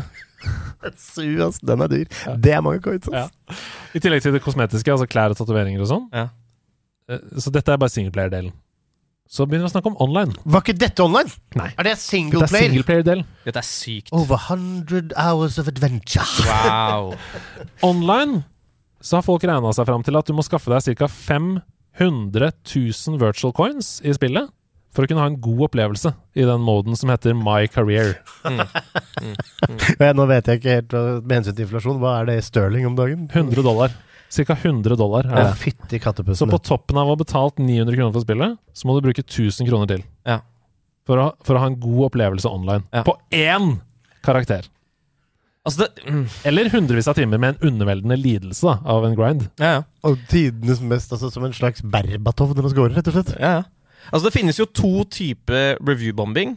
Enten så er det pga. folk som mener at et, spill er for woke. At fordi det har en kvinnelig karakter, Ja. eller det har noen som ikke har kritthvit hud. Eh, eller så er det eh, sånn som det her, altså at man bruker sin forbrukermakt for å bare si slutt. Dere Ja. kan ikke gjøre sånn, sånn som det er. Sånn som med eh, Star Wars uh, Battlegrounds 2. Ja? Ja. Og det, det, jeg støtter veldig den, Ja. ikke den forrige. Nei, helt enig. Men uh, altså, bruk forbrukermakten, og stem dette spillet ned til helvete. Men, men, men da, i tillegg så har vel dette en Ultimate Team-del? På toppen av dette vil du kanskje ha et lag, sier du? Du vil kanskje ha et lag også i dette spillet? Da er det kortpakker, sånn som i FUT. Foot. ja, ja, ja, ja. Bare at her så kan du ikke selge kort til andre spillere. Er bare Lotto! Å, vet du hva? Det, altså, det er sjelden jeg bruker retorikken 'sug dere selv', altså, men dette her er noe av det verste jeg har hørt. Ja, Dette er et helt grusomt spill. Ikke spill 2K24 enn så lenge, i hvert fall. Vi skal til værmeldinga. Det er et sånn voldsomt kjør av en høst. Vi sier det hver uke, men er det for mye nå? Tenker jeg. Er det inflasjon? Er det, får vi med oss alle disse spillene? Nei, men, det sa jo i stad, jeg begynner å kjenne på min egen mortalitet. Andreas. Jeg begynner å kjenne at jeg skal dø en dag. eh, Fordi det hoper seg opp i bakkatalogen. Og vi i tillegg skal jo spille spill og anmelde og sånn. Og det er bra spill, det. Altså, mm, ikke alltid, men eh, eh, Men nå merker jeg det. det er sånn, jeg har lyst til å spille Jeg har lyst til å spille Star Citizen, jeg har lyst til å spille mer PVP i Armored Core. Men kan man det, nei? Denne uka her, 19.9., Lies of P, FromSoft-klone av et spill med Pinocchio i hovedrollen. 19.9., samme dag, Mortal Kombat 1, ute for alle. 20.9., fullversjonen av Party Animals, som er sånn wonky physics slåssespill à la Gang Beasts. Tror den ryker. Ida skal anmelde det for oss. Fikk eh, anmeldelse i gamer.no nå nylig. 21.9., Payday 3. Bare et storspill Ja. uh, ut av ingenting. Payday 3. Det er de klovnemaskene der. Ja! Ja. 21.9., samme dag, Eternites. Etterlengta stort japansk action-RPG. Devil May Cry møter Persona, sier folk. Å, herregud. Slåssing og kyssing i skjønn forening. Slåssing. Ja, ja, ja, ja, ja. 22. september, EA Sports FC24. Og det er bare denne uka her! Det er bare denne uka! Ja. Så er det tre tripp, fire Trippel A-spill! Yep. Fem Trippel A-spill! Yep. Vi sier det hvert år. Faen, det kommer så jævlig mye bra spill, ass. Det kommer så mye spill. Men i år så stemmer det faktisk. Men, men det er noe som har skjedd. Er det koronaspillene som uh, har begynt å ta oss igjen? ikke, Jeg skjønner at, ikke. Altså, Det må være så mange spillstudier som går dukken dette året. For det går ikke an! De metter jo markedet. Mm. Ja, uten tvil. Altså, det, men hvordan skal man klare å Men ting er jo at Det er jo forskjell på spill og filmer, i den forstand at et spill må gis ut så fort det er klart, fordi eh, pga. grafikk og på grunn av teknologien som utvikler seg. Det er ikke sånn at du liksom bare holder på et spill i et år eller to. Med filmer så kan man det, fordi en film er alltid en film, på en måte. Det er godt sagt. Ja. Jeg syns det er en ganske god tanke, som jeg kom på nå. Glad! Glad Mitt navn er Andreas Hedemann, og dette er nerden ut. Anmeldelse i nerdelandslaget. Ja da, ja da, ja da! Det er anmeldelse i Nerdelandslaget. Vi har en fyr som sendte hele familien til Kreta øh, og ble igjen hjemme for å anmelde Mortal Kombat 1. Det er helt riktig! Barn og familie dro til Hellas, og Stian ble igjen for å spille Sub Zero ja, i eh, kjelleren. I'm also Sub-Zero, var ikke det du sa?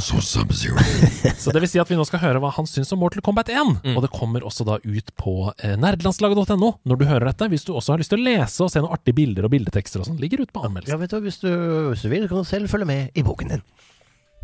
Det har nå vært over 30 år med Mortal Kombat. Milliardervis av liter med blod har sprutet på arkademaskiner og TV-skjermer i hvert hjørne av verden. Spillet hadde enorm sjokkverdi og popularitet da det kom, men er det nok spill der til at vi nok en gang skal glede oss til å rive hjertet ut av brystet på fienden tre tiår seinere? Kanskje. Om du vil høre resten av anmeldelsen, så får du nesten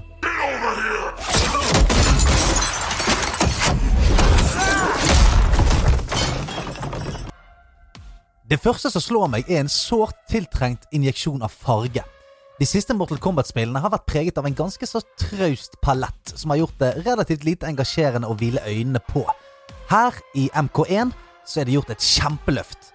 Nivåene man spiller på er ekstremt forseggjort, interessante og pakket med farge og dybde.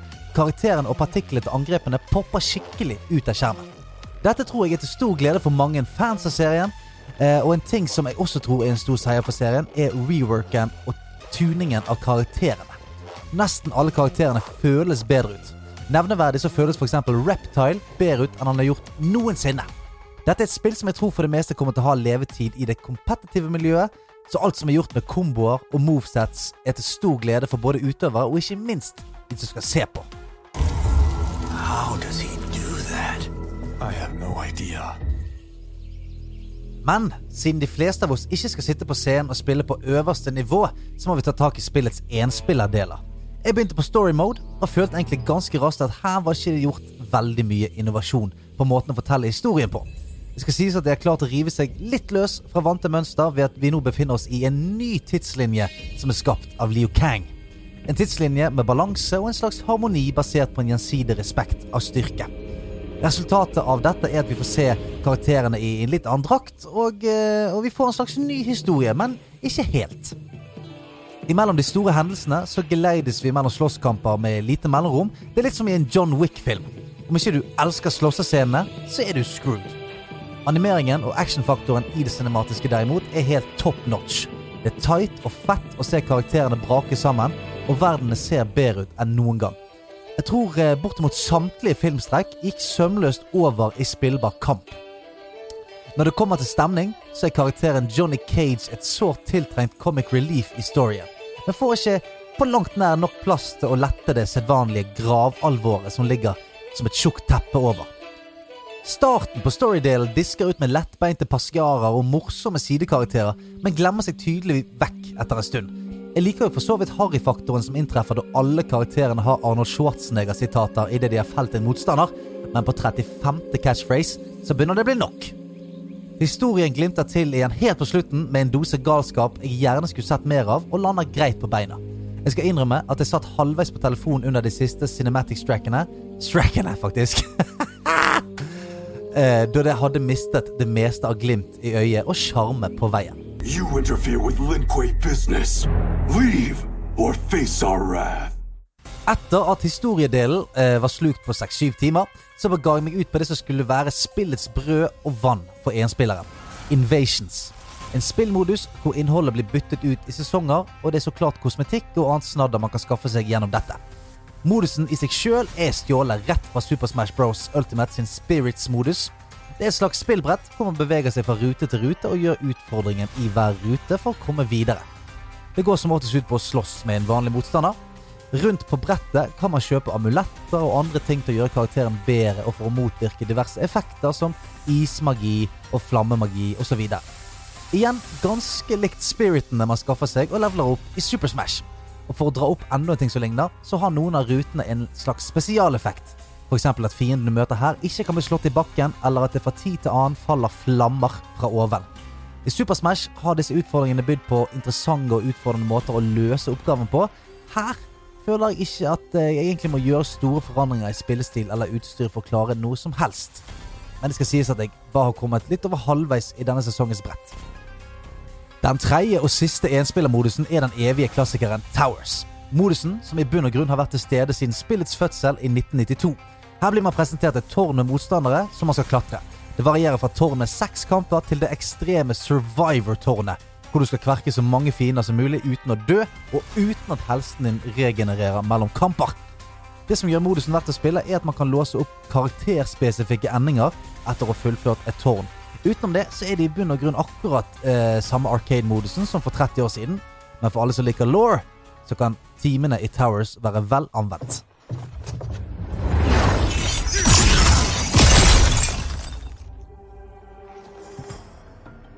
Da jeg omsider våget meg inn i online-delen av spillet, så var det med et snev av selvsikkerhet. Den selvsikkerheten ble fort revet sønder og sammen. I spillets rangerte spill så kjemper man mot andre spillere og grinder seg opp i rank. Og i løpet av de 20 kampene jeg hadde, så var jeg ikke i nærheten av å vinne. Jeg ble sjonglert rundt som en sirkusball og fillerisset av folk som hadde funnet ut av flere komboer enn jeg trodde var i spillet. Det eneste som stoppet meg fra å klikke i vinkel, var at jeg fikk se alt som var mulig å få til. Spillet er betraktelig raskere enn sine forgjengere, og kombomulighetene er også større. Det er ikke tvil om at hvis man er glad i fighting-sjangeren og Mortal Kombat, så kommer man til å ha timevis med kompetitiv moro og spennende meter. Det skal bli sluppet flere karakterer i drypp framover som uten tvil vil påvirke metaen, sånn som f.eks. The Joker gjorde i MK11. Serverne Serverne! Serverne spilte allerede godt på lag i min early access-fase, og det å finne kamper var ingen problem. Alt i alt så er jeg ikke kjempeimponert over enspillerinnholdet ennå. Jeg tror Invasions-delen av spillet har stort, stort potensial til å bli skikkelig kult etter hvert som det får skrudd seg til i kommende sesonger. Dette er spill man kommer til å spille aller mest mot venner eller mot online-folk. Med det sagt så er det supertight, responsivt og underholdende fighting-spill med skyhøy skill cap. Det krever litt mer øving enn de fleste andre i sjangeren, men når det sitter, så er det en herlig foxtrot av blod, gørr og innvoller som hadde fått full pott av trynet del i kløyve, i hvert fall. Så fra meg så blir det 82 av 100 Blippolinia.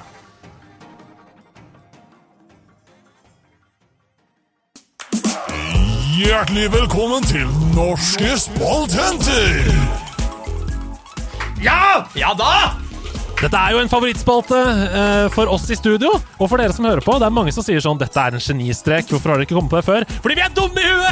Ja. Altså, vet du hva? Vi har blitt en del av det problemet vi har kritisert så mye i dag. Nå har vi funnet ut hvordan dere gjør jobben, og vi får credsen. Ja, det er helt riktig. Norske spaltenter, dere sender inn spalter som vi uh, konkurrerer i uh, hver uke, og til slutt så blir vi enige om, sammen med dere, eh, hvordan vi skal gjøre det neste år. Altså hvilken spalte som skal være med ut i 2024. Ja, Ja, Og da blir vel antakeligvis vinneren norske spaltenter, tenker jeg. Så, det er helt, helt riktig. Og ukas innsendte spalte er Å, det er så spennende! Steam Review Quiz. Oi, oi, oi, ok, oi, ok, ok, ja, jeg vil være i denne podkasten nå. Ja, ja. Vet du hva? Men det er, sjelden, det er sjelden jeg tenker det, men nå tenker jeg også. Her har vi rett og slett ikke navn på innsender. Uh, så vennligst, vennligst ta kontakt med oss. Tusen takk for innsendt spalte. Dette er en super idé, og den fungerer på denne måten. Steam Review Quiz. Jeg leser opp en Steam Review, og så skal dere gjette på hvilket spill det er snakk om. Mm -hmm. uh, dere skal samarbeide. Og dersom dere ikke klarer det på første gjett, så får dere fire alternativer og mulighet til å gjette igjen. Så det er liksom uten alternativer, bare reviewen på, for to poeng, og så fire alternativer, altså multiple choice, da, for ett poeng. Ja, ikke sant, ikke sant. Og her kommer altså reviewen som dere først skal finne ut av hvilket spill det er fra. Prøv å samarbeide og snakke sammen her nå, da. Det er det som er gøy for lytterne. Ja, ja. Litt vanskelig, litt vanskelig for meg å ha som vi prøver. Her kommer anmeldelsen. Recommended. Finally hugged a girl. Recommended. Finally hugged a girl. Står også Ja. ti av ti. eh, Ja. Vakerst. Finally hugged a girl. Dette føles ut som et datingspill. Et datingspill? Ja, det, man skulle fort tenke det. Ehm, men det bare virker litt som at dette er noe han ikke hadde forventet å gjøre i spillet. Eller at det kanskje, eller at det kanskje er eh, en oppfølger. At eh, i, uh, i eneren og toeren så kunne du ikke klemme, men nå har treeren kommet, og her kan du endelig klemme en jente. Det- Altså, det kan det jo være, men altså, recommended. Altså, vedkommende liker det. Ja. Recommended. Finally hugged a girl. Ja. Og de, de anmeldelsene på Steam, jeg kan jo legge til det som en slags tilleggsopplysning, er jo ofte litt sånn tongue in cheek. De som kommer øverst på lista, er jo sånn ha-ha, det var morsomt. Ja. Fordi folk kjenner seg igjen også, ikke sant. Men MMO, da? MMO.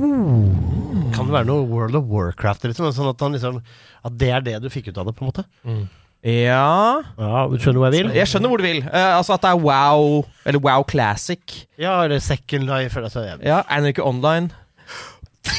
Dette er veldig bra. Nå er dere sterke. Destruction Derby, kanskje? ja. Nei, men Skal vi prøve et MMO, eller? Skal vi Ja. prøve wow? Vi prøver, vi. Ja, Dere er flinke til å samarbeide, og dette er god radio, men det er helt feil. wow kjøper man jo ikke på Steam, man kjøper det på Å, det er jo selvfølgelig Å, På Battle.net? En Nei. såkalt uh, kardinaltabbe, som om dere var i den romerske Men- kirken. Uh. er det en kardinaltabbe Altså, er? liksom, den katolske. Vi skal til ett poeng. Her har dere fire spill dere kan velge mellom. Uh, er dette Recommended Finally Hug the Girl? Er det Marion Rabbids? Er det Unpacking? Er det Elden Ring? Eller er det Gears of War? Er det Modern Rabbids, Unpacking Elden Ring eller Gears of War? Jeg tipper det er Elden Ring, for da kan du klemme en dame for å få en uh, debuff, som er en slags buff. Ja, Det høres jo ut som et fasitsvar. Jeg hadde tenkt å si Gears of War fordi det er liksom kjent for å være så toxic. Fordi, eller fordi det liksom er bare menn, veldig store menn i spillet. At det ville vært sånn ha-ha. ja. Marcus Phoenix. Ja, Han er stemmen til Bender også i Futurama. der ser du.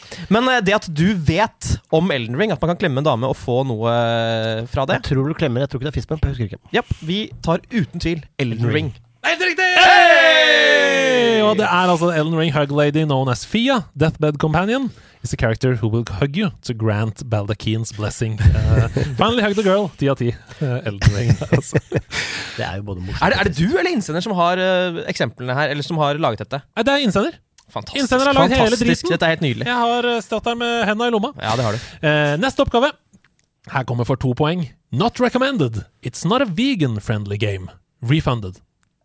Ja. Super Meatboy. Super, ja, Super Meat Boy. Overcooked eh, Super Meatboy. Ja da! Men jeg må prøve, prøve å forlenge Nei, diskusjonen vår. spalten her har gått langt nok. Ja. uh, Dere svarer Super Meatboy. Vi, vi svarer Super Meat Boy. Mm, det er helt feil. Men det er gøy uh, Å, oh, det er på Battlenet! Oh, nei, nei. Men det kunne passa. Absolutt. Eh, her er spillene dere kan velge mellom. Transport Tycoon, Farming Simulator, GTA San Andreas eller Dave the Diver. Ja. Ok, San Andreas, det, det er ikke noe mening. Eh, Farm Simulator, der, da, der, er- der er du kønn, da. Du samler kønn. Det må vel være mulig å være i veggene der? Ja, det må være helt fint. Ja da. Um, også Transport Tycoon eller Dave the Diver. Dave the Diver. Ja, fordi der er det i hvert fall mat. I Transport Tycoon så kan du jo få både kjøtt og vegansk på toget. Eh, Om det er lov å si. Om det er lov å si. Nei, men vi må jo gå for eh, Dave the Diver. Det er riktig! Ja! Du lager jo sushi der, vet du. Ja, ja, ja. Eh, Så det er jo ikke vegansk, men det er vegetariansk. Ja, Pes- pesketariansk, faktisk. Ja, for å være pragmatisk. Men dere har to poeng. Det er veldig bra. Her er ukas siste oppgave i Norske spaltenter. Dette er gøy! Ja, dette er gøy. Og eh, anmeldelsen går som dette. Recommended. It's a game about how our parents went to school back then. Oi! It's a game about how our parents went to school back then. Ok, så foreldregenerasjonen, vi snakker eh, 50-, 60-, 70-tallet. Eh, um, I hvilke spill er det man er på skolen i gamle dager? Bolly? Ja, men uh, Hogwarts? Selvfølgelig!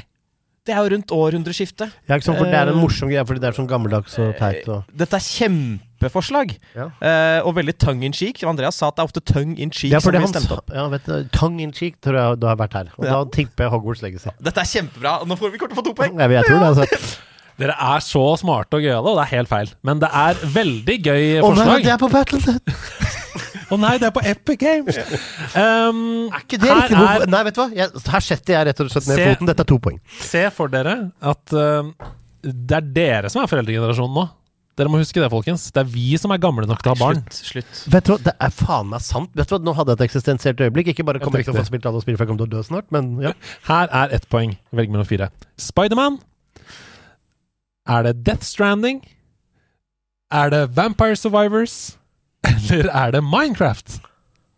Er det Spiderman, Ja, men det er Minecraft! Death Stranding, Vampire Survivors eller Minecraft? Hvorfor i alle herrens dager skulle det vært Minecraft? Fordi det var det man gjorde på skolen. Å oh, ja. ja. Minecraft kom jo i 2011-12, så Ja, det, er ikke vår, altså, det er på en måte ikke vår generasjon. Ja, men altså, niåringer tror jo at uh, Kan det ligge i navnet? Minecraft, Death Stranding, Spiderman og uh, Vampire Survivors. Det kan ikke være Vampire Survivors. It's Det a er ikke game about how der. our parents went to school. Et, Hvordan vi, dro, hvordan, vi, hvordan vi kom oss til skolen før i tiden! Fordi det var så Fordi alle Nei. Jo! jeg vet ikke hvor du vil nå. Eh, jo, eh, fordi et skole, svar. skoleveien før i tiden, ikke sant? Ja.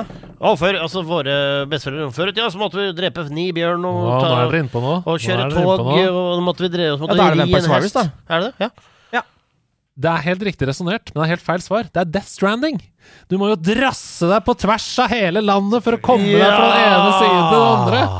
Så det blir null poeng der. Men dere fikk to poeng av poeng? seks mulige! Ja, men får man et halvt poeng for riktig resonnering? Absolutt. Det skal du få ja, uh, av meg. Hva får vi i Korvjima-boden her, egentlig? uh, Agurkmix. Tusen takk for at du sendte inn spalte, og vennligst gi deg hen til oss og skriv navnet ditt og send til oss, for dette var en kjempefin spalte. Uh, vi høres igjen i neste uke av Norske spaltenter.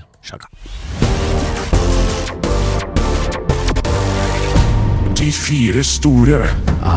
Vi er inne i De fire store spalten, der hvor en av oss forbereder fire ting som vi ønsker å lese opp. Det kan være fire sykdommer som gjør at du kan være hjemme og spille spill. Det kan være fire lopper du har under senga di. Det kan det være. Er det sirkuslopper? kan Eller er det være. sånne bønner som spretter, som av den merkelige grunnen er fra Mexico? Det er larver inni! Det kan være fire ulike smaker på sånn jelly beans.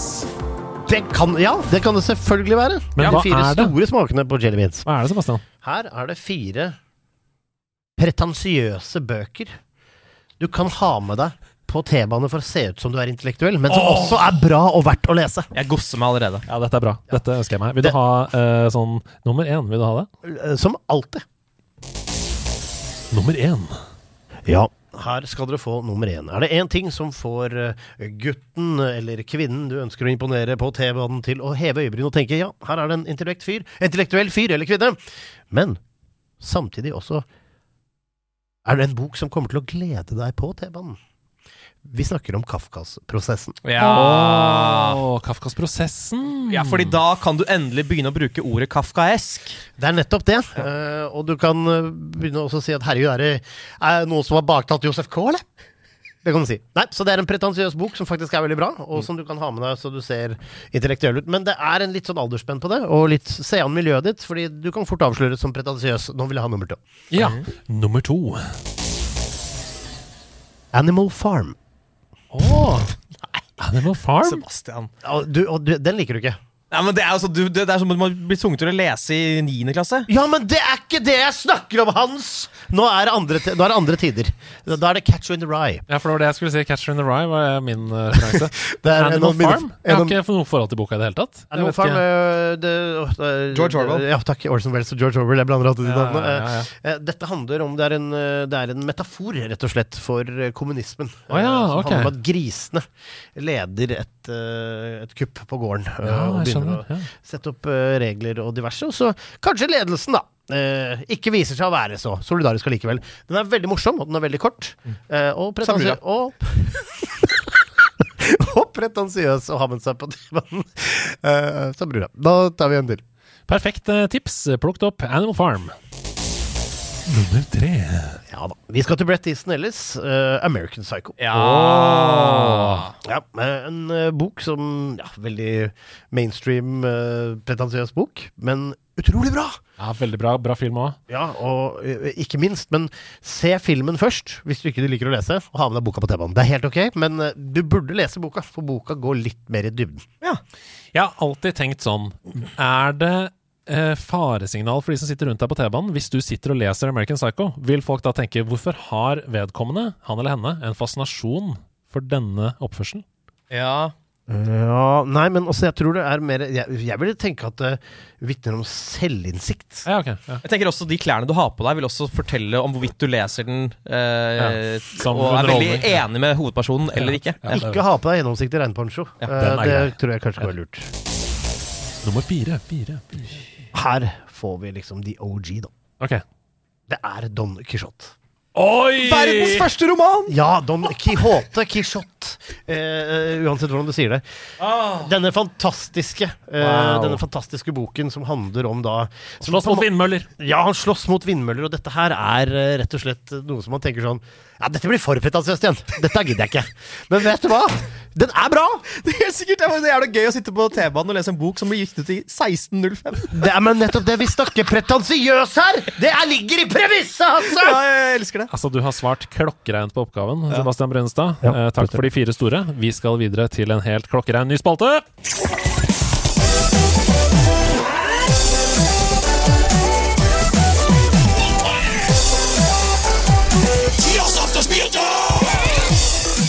Stian Blipp vrir seg i stolen når han sitter og hører på dette hjemme, for denne spalten hater han! Ah, han har begynt å come around. Ja, da. han er glad nå. Come er around, baby. Come around, come around, baby. Come around, come around, baby. Come around, baby. Come around. Come around, baby. Of the Spieldom skal vi fram til et årstall, og vi har tre nivåer for å gjette på det på. Vi må samarbeide for å finne fram til årstallet. Det er Hasse som har forberedt spalten. Det betyr at jeg skal trekke ut min minijack-plugg av min Macbook Pro som jeg har foran meg, og gi den over til Hasse, slik at det er han som kan spille av musikk man, eller lydklipp, da, som gjør at vi kan forstå hvilken, hvilket år vi skal til, da. Ja, For er det én ting, eh, er det én ting eh, Hasse kan, så er det quiz. Det er veldig veldig hyggelig at du sier det. Uh, og det er veldig sant også, fordi jeg har vært quizmaster i veldig veldig mange år. Du har jo til og med en podkast som vi produserer i nederlandslaget. Søndagsquiz med Hasse og Toffe. Den kommer hver søndag. Hør på den. Den er kjempebra. Den er kjempebra, og jeg, jeg kan gå god for den. Vi skal altså til Tears of the Spieldom. Ja. Tears, ikke tears. Eh, For det er ikke tårer, det er tears, det er nivåer. Vi skal altså til Tears of the Spieldom. Og dette går jo altså da ut på uh, at vi har tre runder der jeg kommer til å spille av lydklipp oh. i hver runde. Vi skal fram til et spesifikt årstall. Ja. Uh, og det er jo da som alltid sånn at dere kan låse svaret på første lydhint og få tre poeng, eller dere kan uh, låse det på andre og få to poeng, Det, videre. det er nesten ingen som har fått poenget i denne spalten, fordi man låser svaret for tidlig. Og så bare Nei! Etterpå, Så vi må ha tålmodighet her. Ja, jeg har Ja. alltid fått poeng i denne spalten. Uh, ja, nei, jeg, jeg har vært til gode å få poeng, jeg òg. Ja. Ja, mm. Ok, Vi begynner med runde én. Og det som uh, dere får høre her, er rett og slett fra E3-annonseringen av en spillkonsoll. Oi. Dere får ikke høre noen snakking, dere får kun høre musikken som ligger under. I det på skjermen så kommer det opp sånn eh, Specs og hva som oh, er fett det- med denne maskinen osv. Så, ja. Så dere må klare å på en måte tenke dere tilbake til når var det sånn musikk ville vært typisk. Dette Det skal være vanskelig! nei, men Andreas, dette kommer vi til å ta på første. Vi låser med en gang poeng. poeng. Ok, her kommer det. Jeg gleder meg. Waka, waka, waka, waka. Wow-pedal. Ja, ja, ja. Året er 1997, og vi skal til Nei. Hva føler du her? Voice, Andreas. Jeg føler det er noe U2-aktig. Er det, nye, er, det, er det en ny iPod? Det, er- det er for langt eh, Det er mer moderne enn liksom Det er mer moderne enn Freestyler og 99. Jeg, f- jeg opplever at det er sånn 2003-ish. Skjønner du hva jeg mener? Jeg skjønner hva du vil, men Jeg tror ikke det er, ikke det er uh, Nintendo. Jeg tror, oh. jeg tror Hvis det er en av de tre store, altså Nintendo, Xbox eller PlayStation, så føles det nærmest PlayStation. Gjør det ikke det? Ja, men da må det være tidligere. PlayStation ble kule, de, vet du. Ja, men jeg føler PlayStation 3. At det kan være rundt lanseringen av PlayStation 3. Det er jo veldig sånn eh, audiovisual tja, tja, track som de bare har kjøpt og lagt på. Men de hadde jo sånn PlayStation, the third place! De var så kule Ja, på den det kan være Xbox òg. Og uavhengig av denne diskusjonen så vil jeg minne dere på at det er fra E3-annonseringen av Ja, eh, konsollen. Ja. Eh, Vi, vi har ikke noe årstall her. Vi må nærmere. Ja. Men ja. bare, dere kan bare lansere hva Hvis dere hadde la- landet på noe, hva ville dere gått for? Jeg ble gått for 99. Ja, jeg ville gått ti år senere. 2009 vil jeg gå for. Et sted mellom 99 og 2009. Det det kan være 2003, det kan være 2001, det kan være 2007. Notert. I runde to, for to poeng, så kommer jeg til å spille av bitte, bitte litt uh, musikk fra tre spill som kom dette året. Oi, dette er bra. Ja. Uh, og for lytternes del hør, La oss høre gjennom eh, de tre lydene først, og så kan dere begynne å diskutere. Ok. Ok. Da begynner vi her.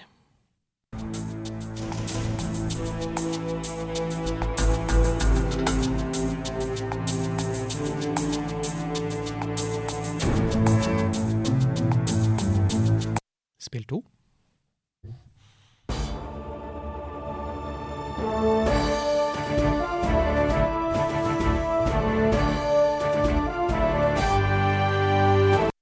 Spill tre.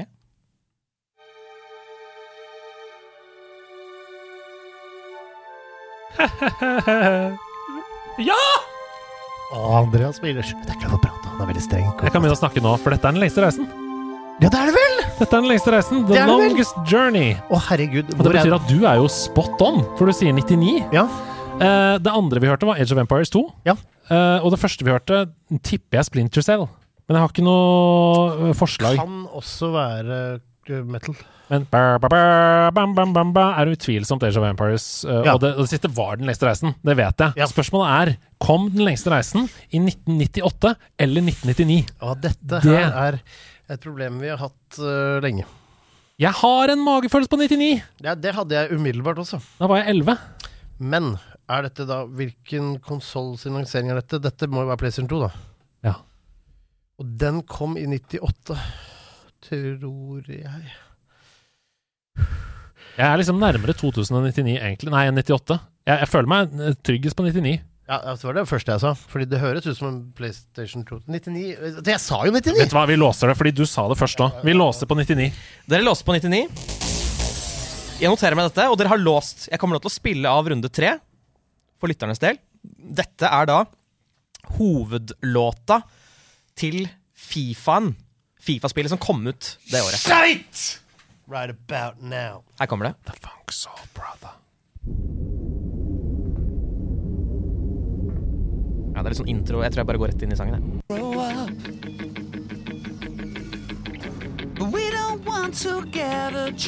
Robbie. Ja, ja, ja. Robbie Williams Ja, ja, ja, ja. rundt fil-tida.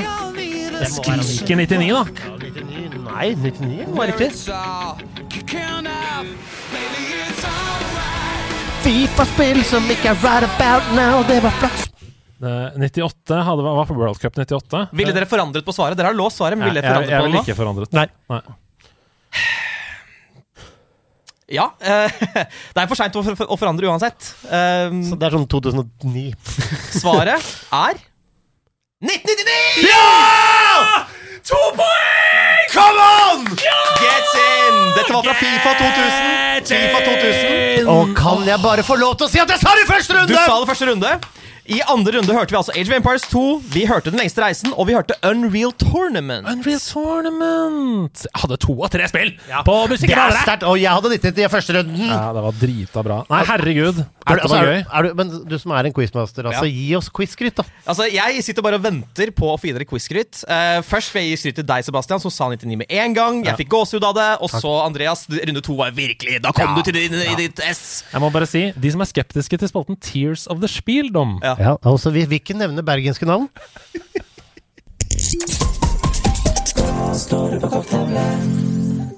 Mr. Matty Pat spør eh, et, stiller et spørsmål som faktisk denne høsten er mer relevant enn noensinne. Han stiller spørsmålet Hva er spillene dere tenker oftest Ah, jeg må få spilt en dag! Men som dere ikke har fått til å spille? Det er et utrolig bra spørsmål. Ja. Det er et utrolig bra spørsmål. Det har jo kommet mange de siste årene som er sånn wow, det er uh, store spill. Jeg har jo noen hull i min uh, spillsamling, og det er Kingdom Hearts som er min klart største hull. Uh, jeg har spilt litt grann Final Fantasy, spesielt etter at jeg ble med i nederlandslaget. Nok til å kunne si at jeg nå er på en måte familiær med den serien. Men Kingdom Hearts, helt blank, altså.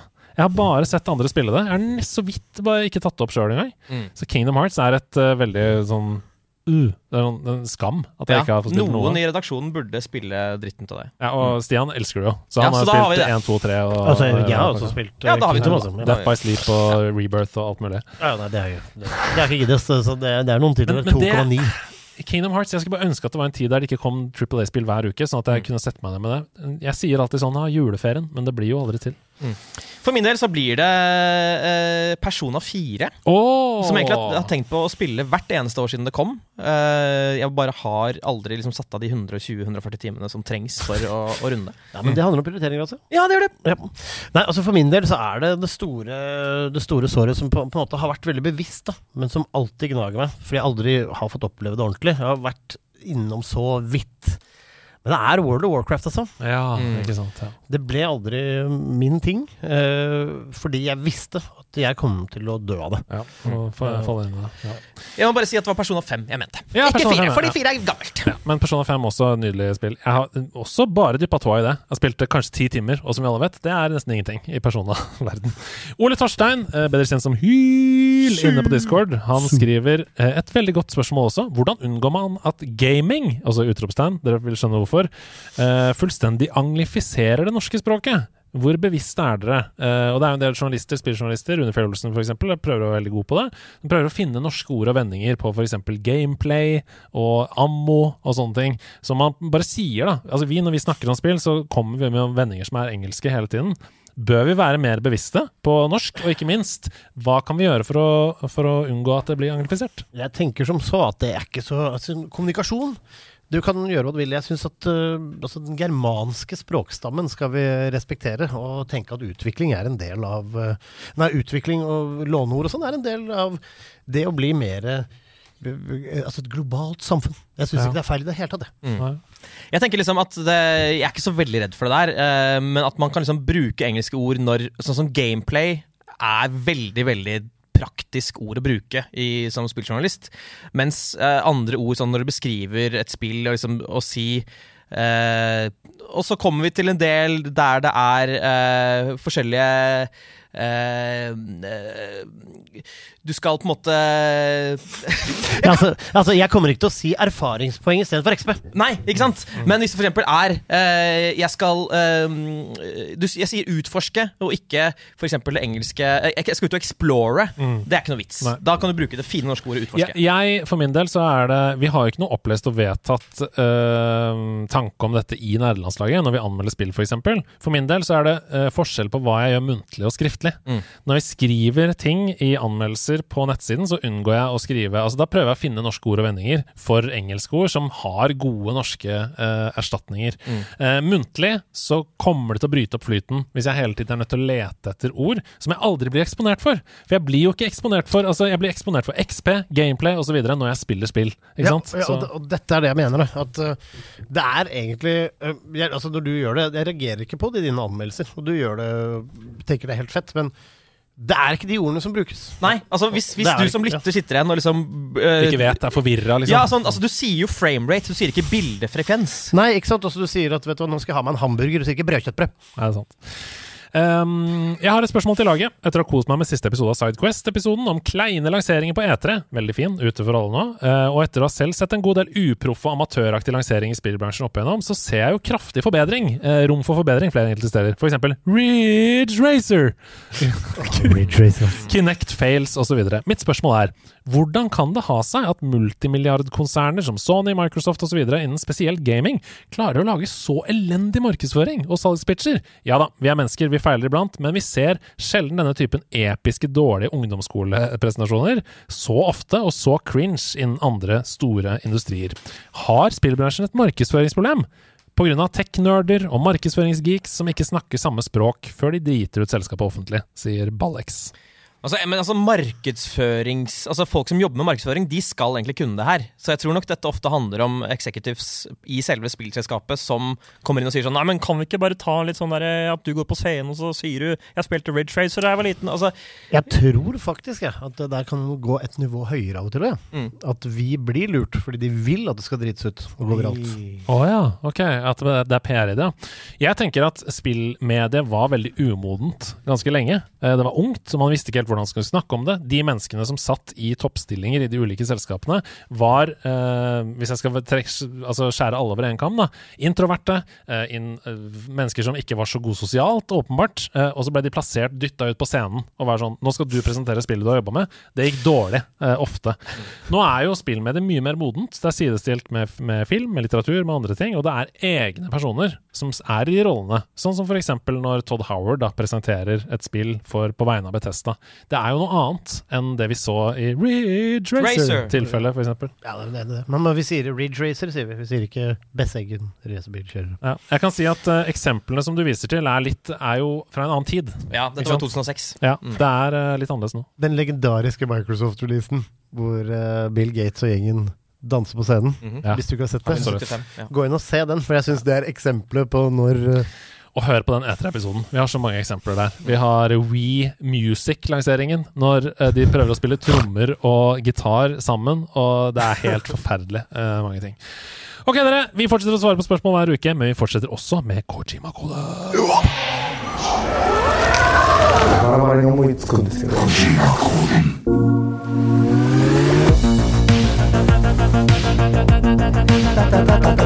バ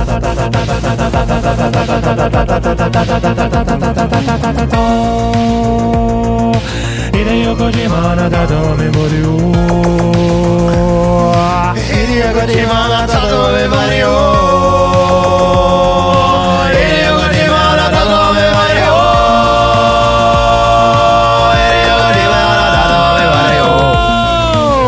er tilbake i Kojima-koden. Den sitter som eh, smør i kjerna bøtte. Kjerne selv bøtta. eh, jeg bare kjører i gang, jeg. For Hideo han har tatt over min body tidligere denne høsten med dette formatet. Men han har ikke latt det gå direkte utover Seb.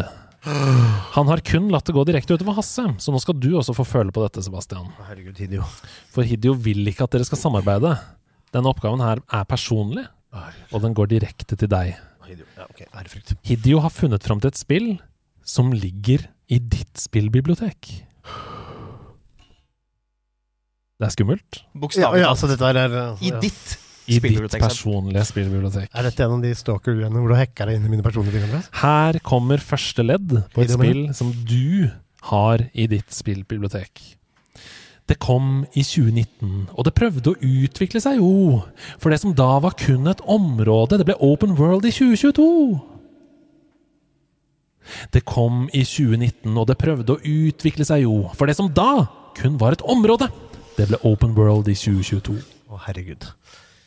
Dette skal bare Seb svare på, ikke sant? Mm. Du har ikke lov til å hjelpe engang. Dette er on the spot, og det er Sebs eget spill som ligger i hans bibliotek. Og det kan være på alle plattformer. Det kan være på PC, det kan være på uh, PlayStation, Nintendo, Xbox. Det kan være, Det kan være i hylla mi. ja, det kan absolutt være det. Uh, Det kom i 2019. ja, ja, ja, ja, ja, Hideo! Slapp av. La en stakkar tenke. Det kom i 2019, men da var det kun et område. Men så ble det Open World, så det var en test da i 2019, og så ble det Open World i 2022. Mm. Nei. Oi, han hadde noe på tunga der. Nei da, det var altfor mm. Å! Nei, vet du hva, jeg, Hideo, Hideo, jeg trenger hjelp. Ja, her kommer ledd to. Her kommer ledd to. Det bruker verken perler eller diamanter, og ei heller farger som rødt eller blått. Nei, denne gangen er det våpen. Nærmere bestemt noe man kan slå med, eller bli slått. Ja, ja, ja. ja. Eh, Det bruker verken perler eller diamanter, det er perler diamanter. og ei heller farger som rødt og blått. Å nei. Denne gangen handler det om våpen. Nærmere bestemt noe man kan slå med, eller bli slått. Hvorfor altså, Ja, altså, altså dark Ja, dette er vanskelig. Ja, Soulsy.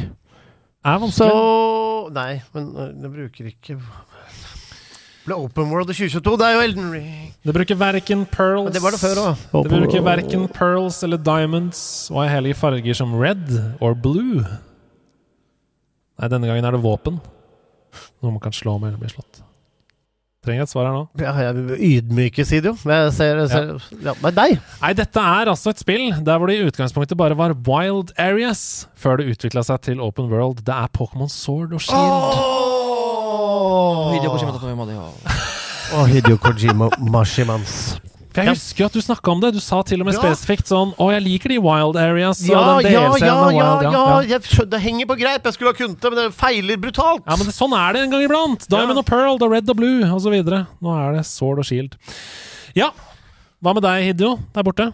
Da er det, da er det Nei, meg. nei, er det deg? Er det ikke Seb som skulle forberede? Jeg lurer på det står, det er, Har vi tre i dag? jeg, tror, jeg tror vi ikke kan ta tre. Jeg tror vi må ha to. Jeg har, jeg, jeg har, en, jeg har en musikalsk variant. Ja, Ja, gjør det, Sebastian. Ja, okay, greit. Spar denne, da. Hideo, til. Ok, Jeg gidder ikke å stemme. spent. Skikkelig stilig kjøretøy. Dette her er supergøy. Grafikken er så høyt man når. Herregud, så fort det går. Plugg deg inn i skarten, du, så skal det kjøres race. Trenger ikke hjul, min venn. Her er det fulles fres. Wow! Veldig, veldig bra, Hideo. Dette er veldig bra, Idio. Tusen, Eh, trenger ikke hjul, her blir det fres. Wipeout, eller?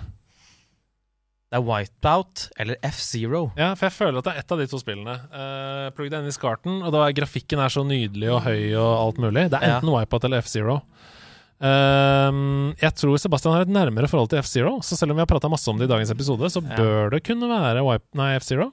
Det bør kunne være det. Skal vi svare Uh, Ja, vi svarer det. Nei! Det er opp til den beste piloten. Hvem av oss kan vinne?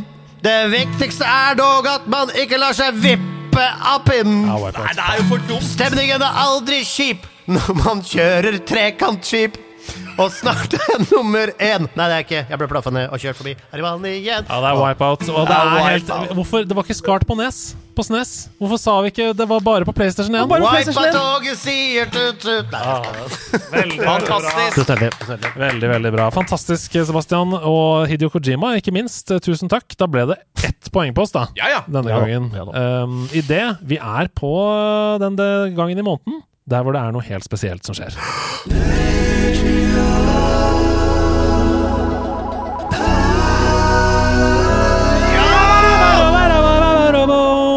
er vi her igjen. Uh, Den måten her så gikk det litt av seg sjæl.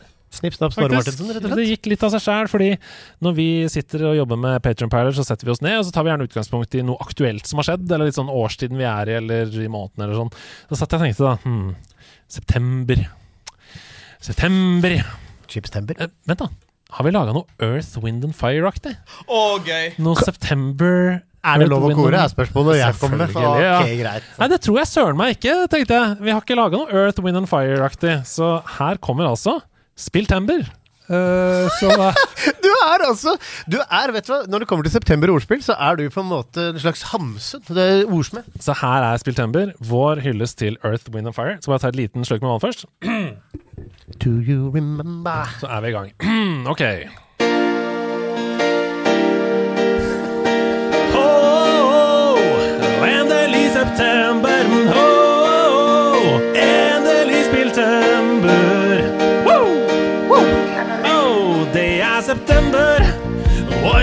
Håper på litt bang for buck. For noen ingen venner, sånn som Geshin som kan tåle en trøkk. Kom igjen Kim Skog! Geir Håkon feirer chipstember. Han har valgt seg ut en pepper punch. De har som bilkveser tenner når han gyver løs på sin salt Å, det er deilig, Kim Stengali. Vi spiller hele september, for den måneden her er full av spill.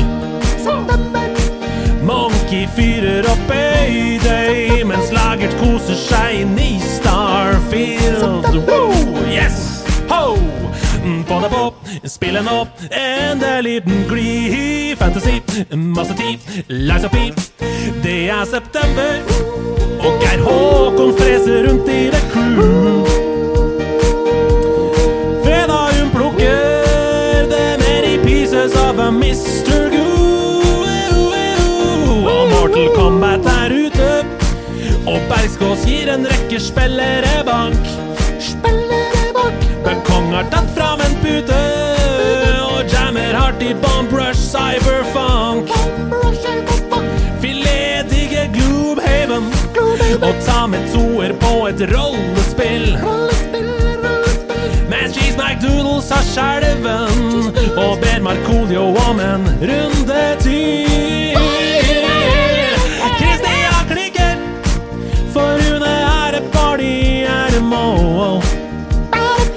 Og Simon blir en sår slikker, for Sondre Apalseth gjør han helt gal. Wow! Og igjen på det pop. Spiller nå massevis av ty fantasy. Les opp i, var hyggelig. Skrur på sin TV. Ole Sudmann skrur på PlayStation 5.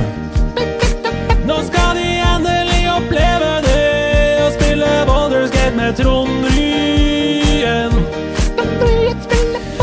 er sjokkerende hvor god den Hege er. Hun og Caroline Mys de har en Fay Farm hver. Lucivere gifter seg i verdensrommet nå.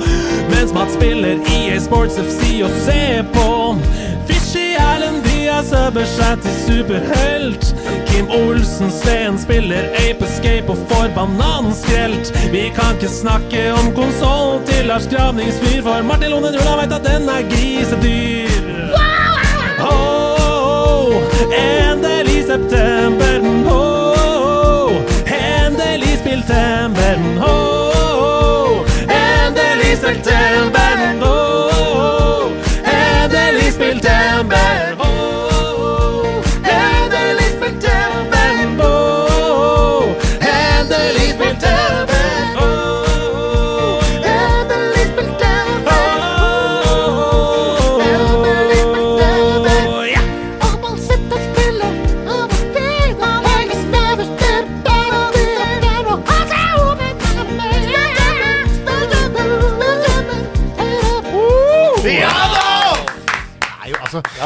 Du lager jo innhold, Andreas, som får de fleste til å tenke dette var innhold. Ja, Det er hyggelig å høre. Det er tross alt dere på Patron som er grunnen til at vi kan lage hele denne podkasten. Eh, stort eh, sett, altså. Det er en veldig stor og viktig inntektskilde for oss, og tusen takk for det. Jeg håper dere fikk noe igjen i Ho! Hei! september! Altså, må vi passe litt på, da, Fordi det kan hende at Earth, Wind and Fire kommer og saksøker dritten ut av oss nå, så trenger vi dere mer. Ja, det er akkurat det. Tusen takk for at dere hørte på nok en gang, som alltid. Tusen takk for alt eh, dere gjør for oss. Tusen takk for Discord, tusen takk for likes på Instagram, for at dere leser stories og sender oss spørsmål og er engasjerte folk, flotte folk. Ja, og at dere går på nederlandslaget.no og går inn der og leser anmeldelser, kjøper noe merch kanskje, og der kan du delta i diverse konkurranser og vet, vet du hva? Leve livet, altså. Nederlandslaget.no, den eneste nettsiden jeg bruker. Takk for nå. Vi ses igjen neste uke. Da blir det mer prat om gaming og gull. Ok! Ha det!